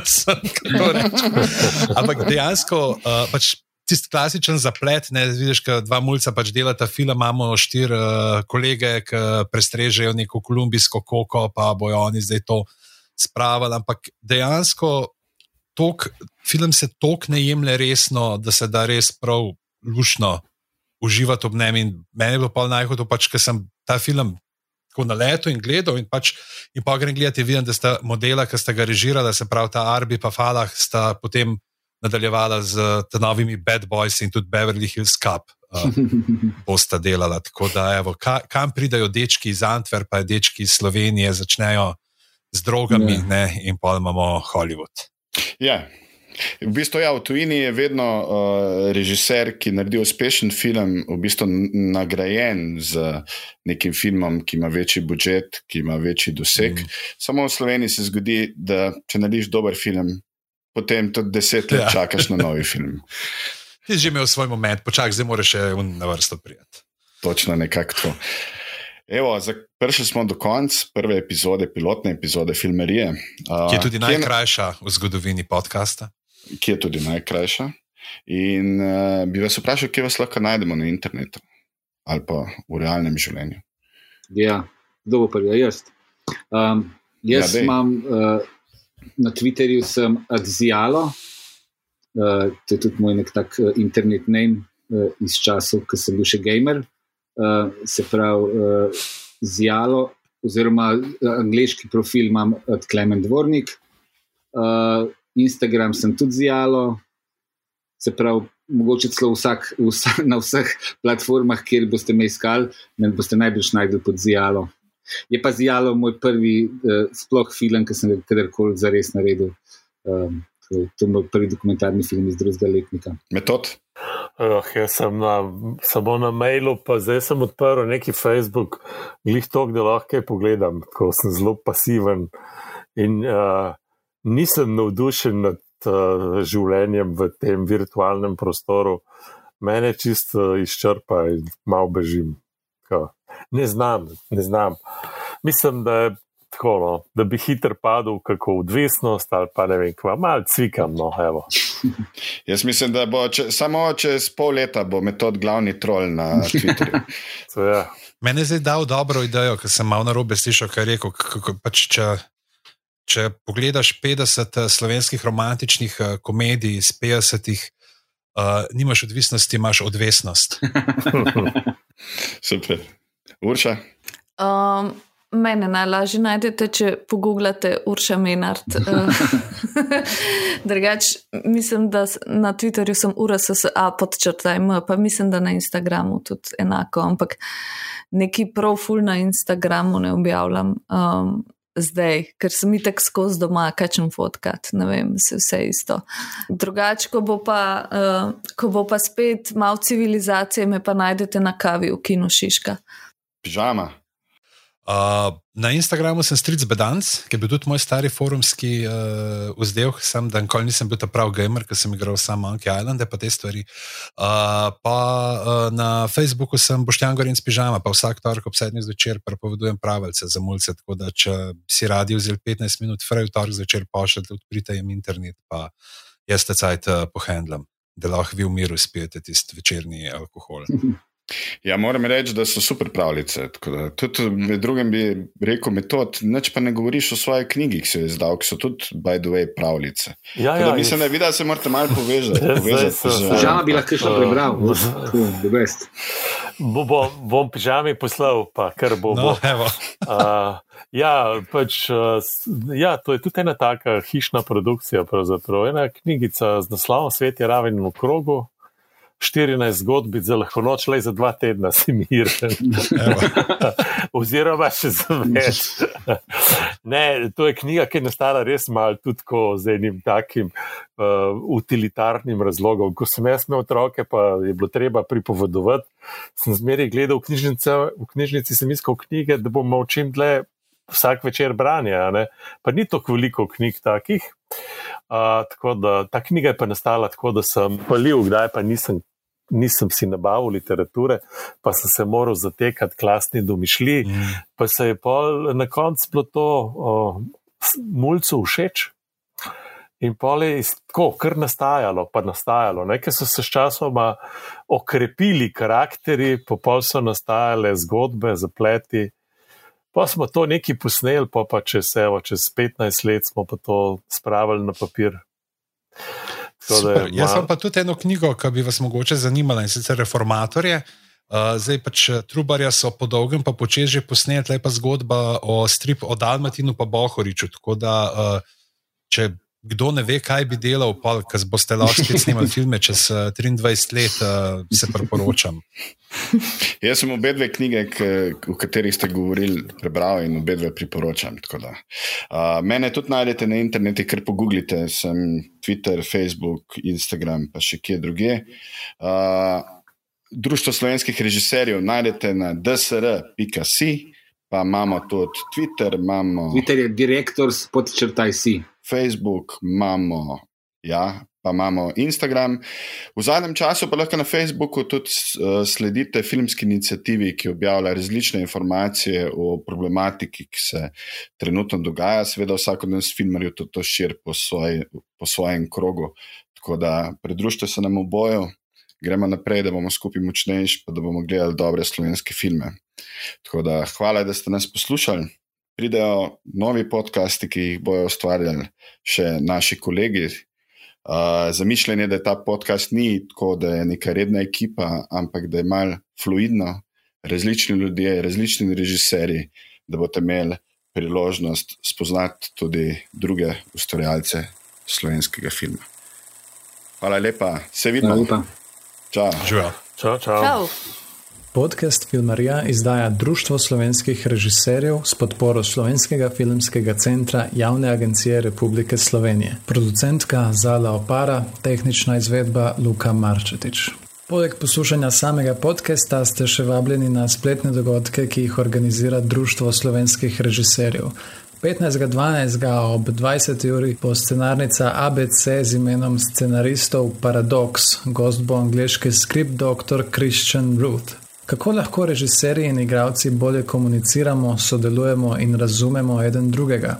Režiserka Urša Menard in igravka Nika Rozman bosta 16.12. ob 20. uri v sklopu dogodka Režiserji in igravci v dialogu brez straho spoštovanja, prosim, naravno spovedali vse, kar v procesu nastajanja filma pogosto ostane neizrečeno. In še 21.12. bo noč kratkih filmov, ki bodo dostopni na spletni strani baze slovenskih filmov. Hvala za posluh in do naslednjič.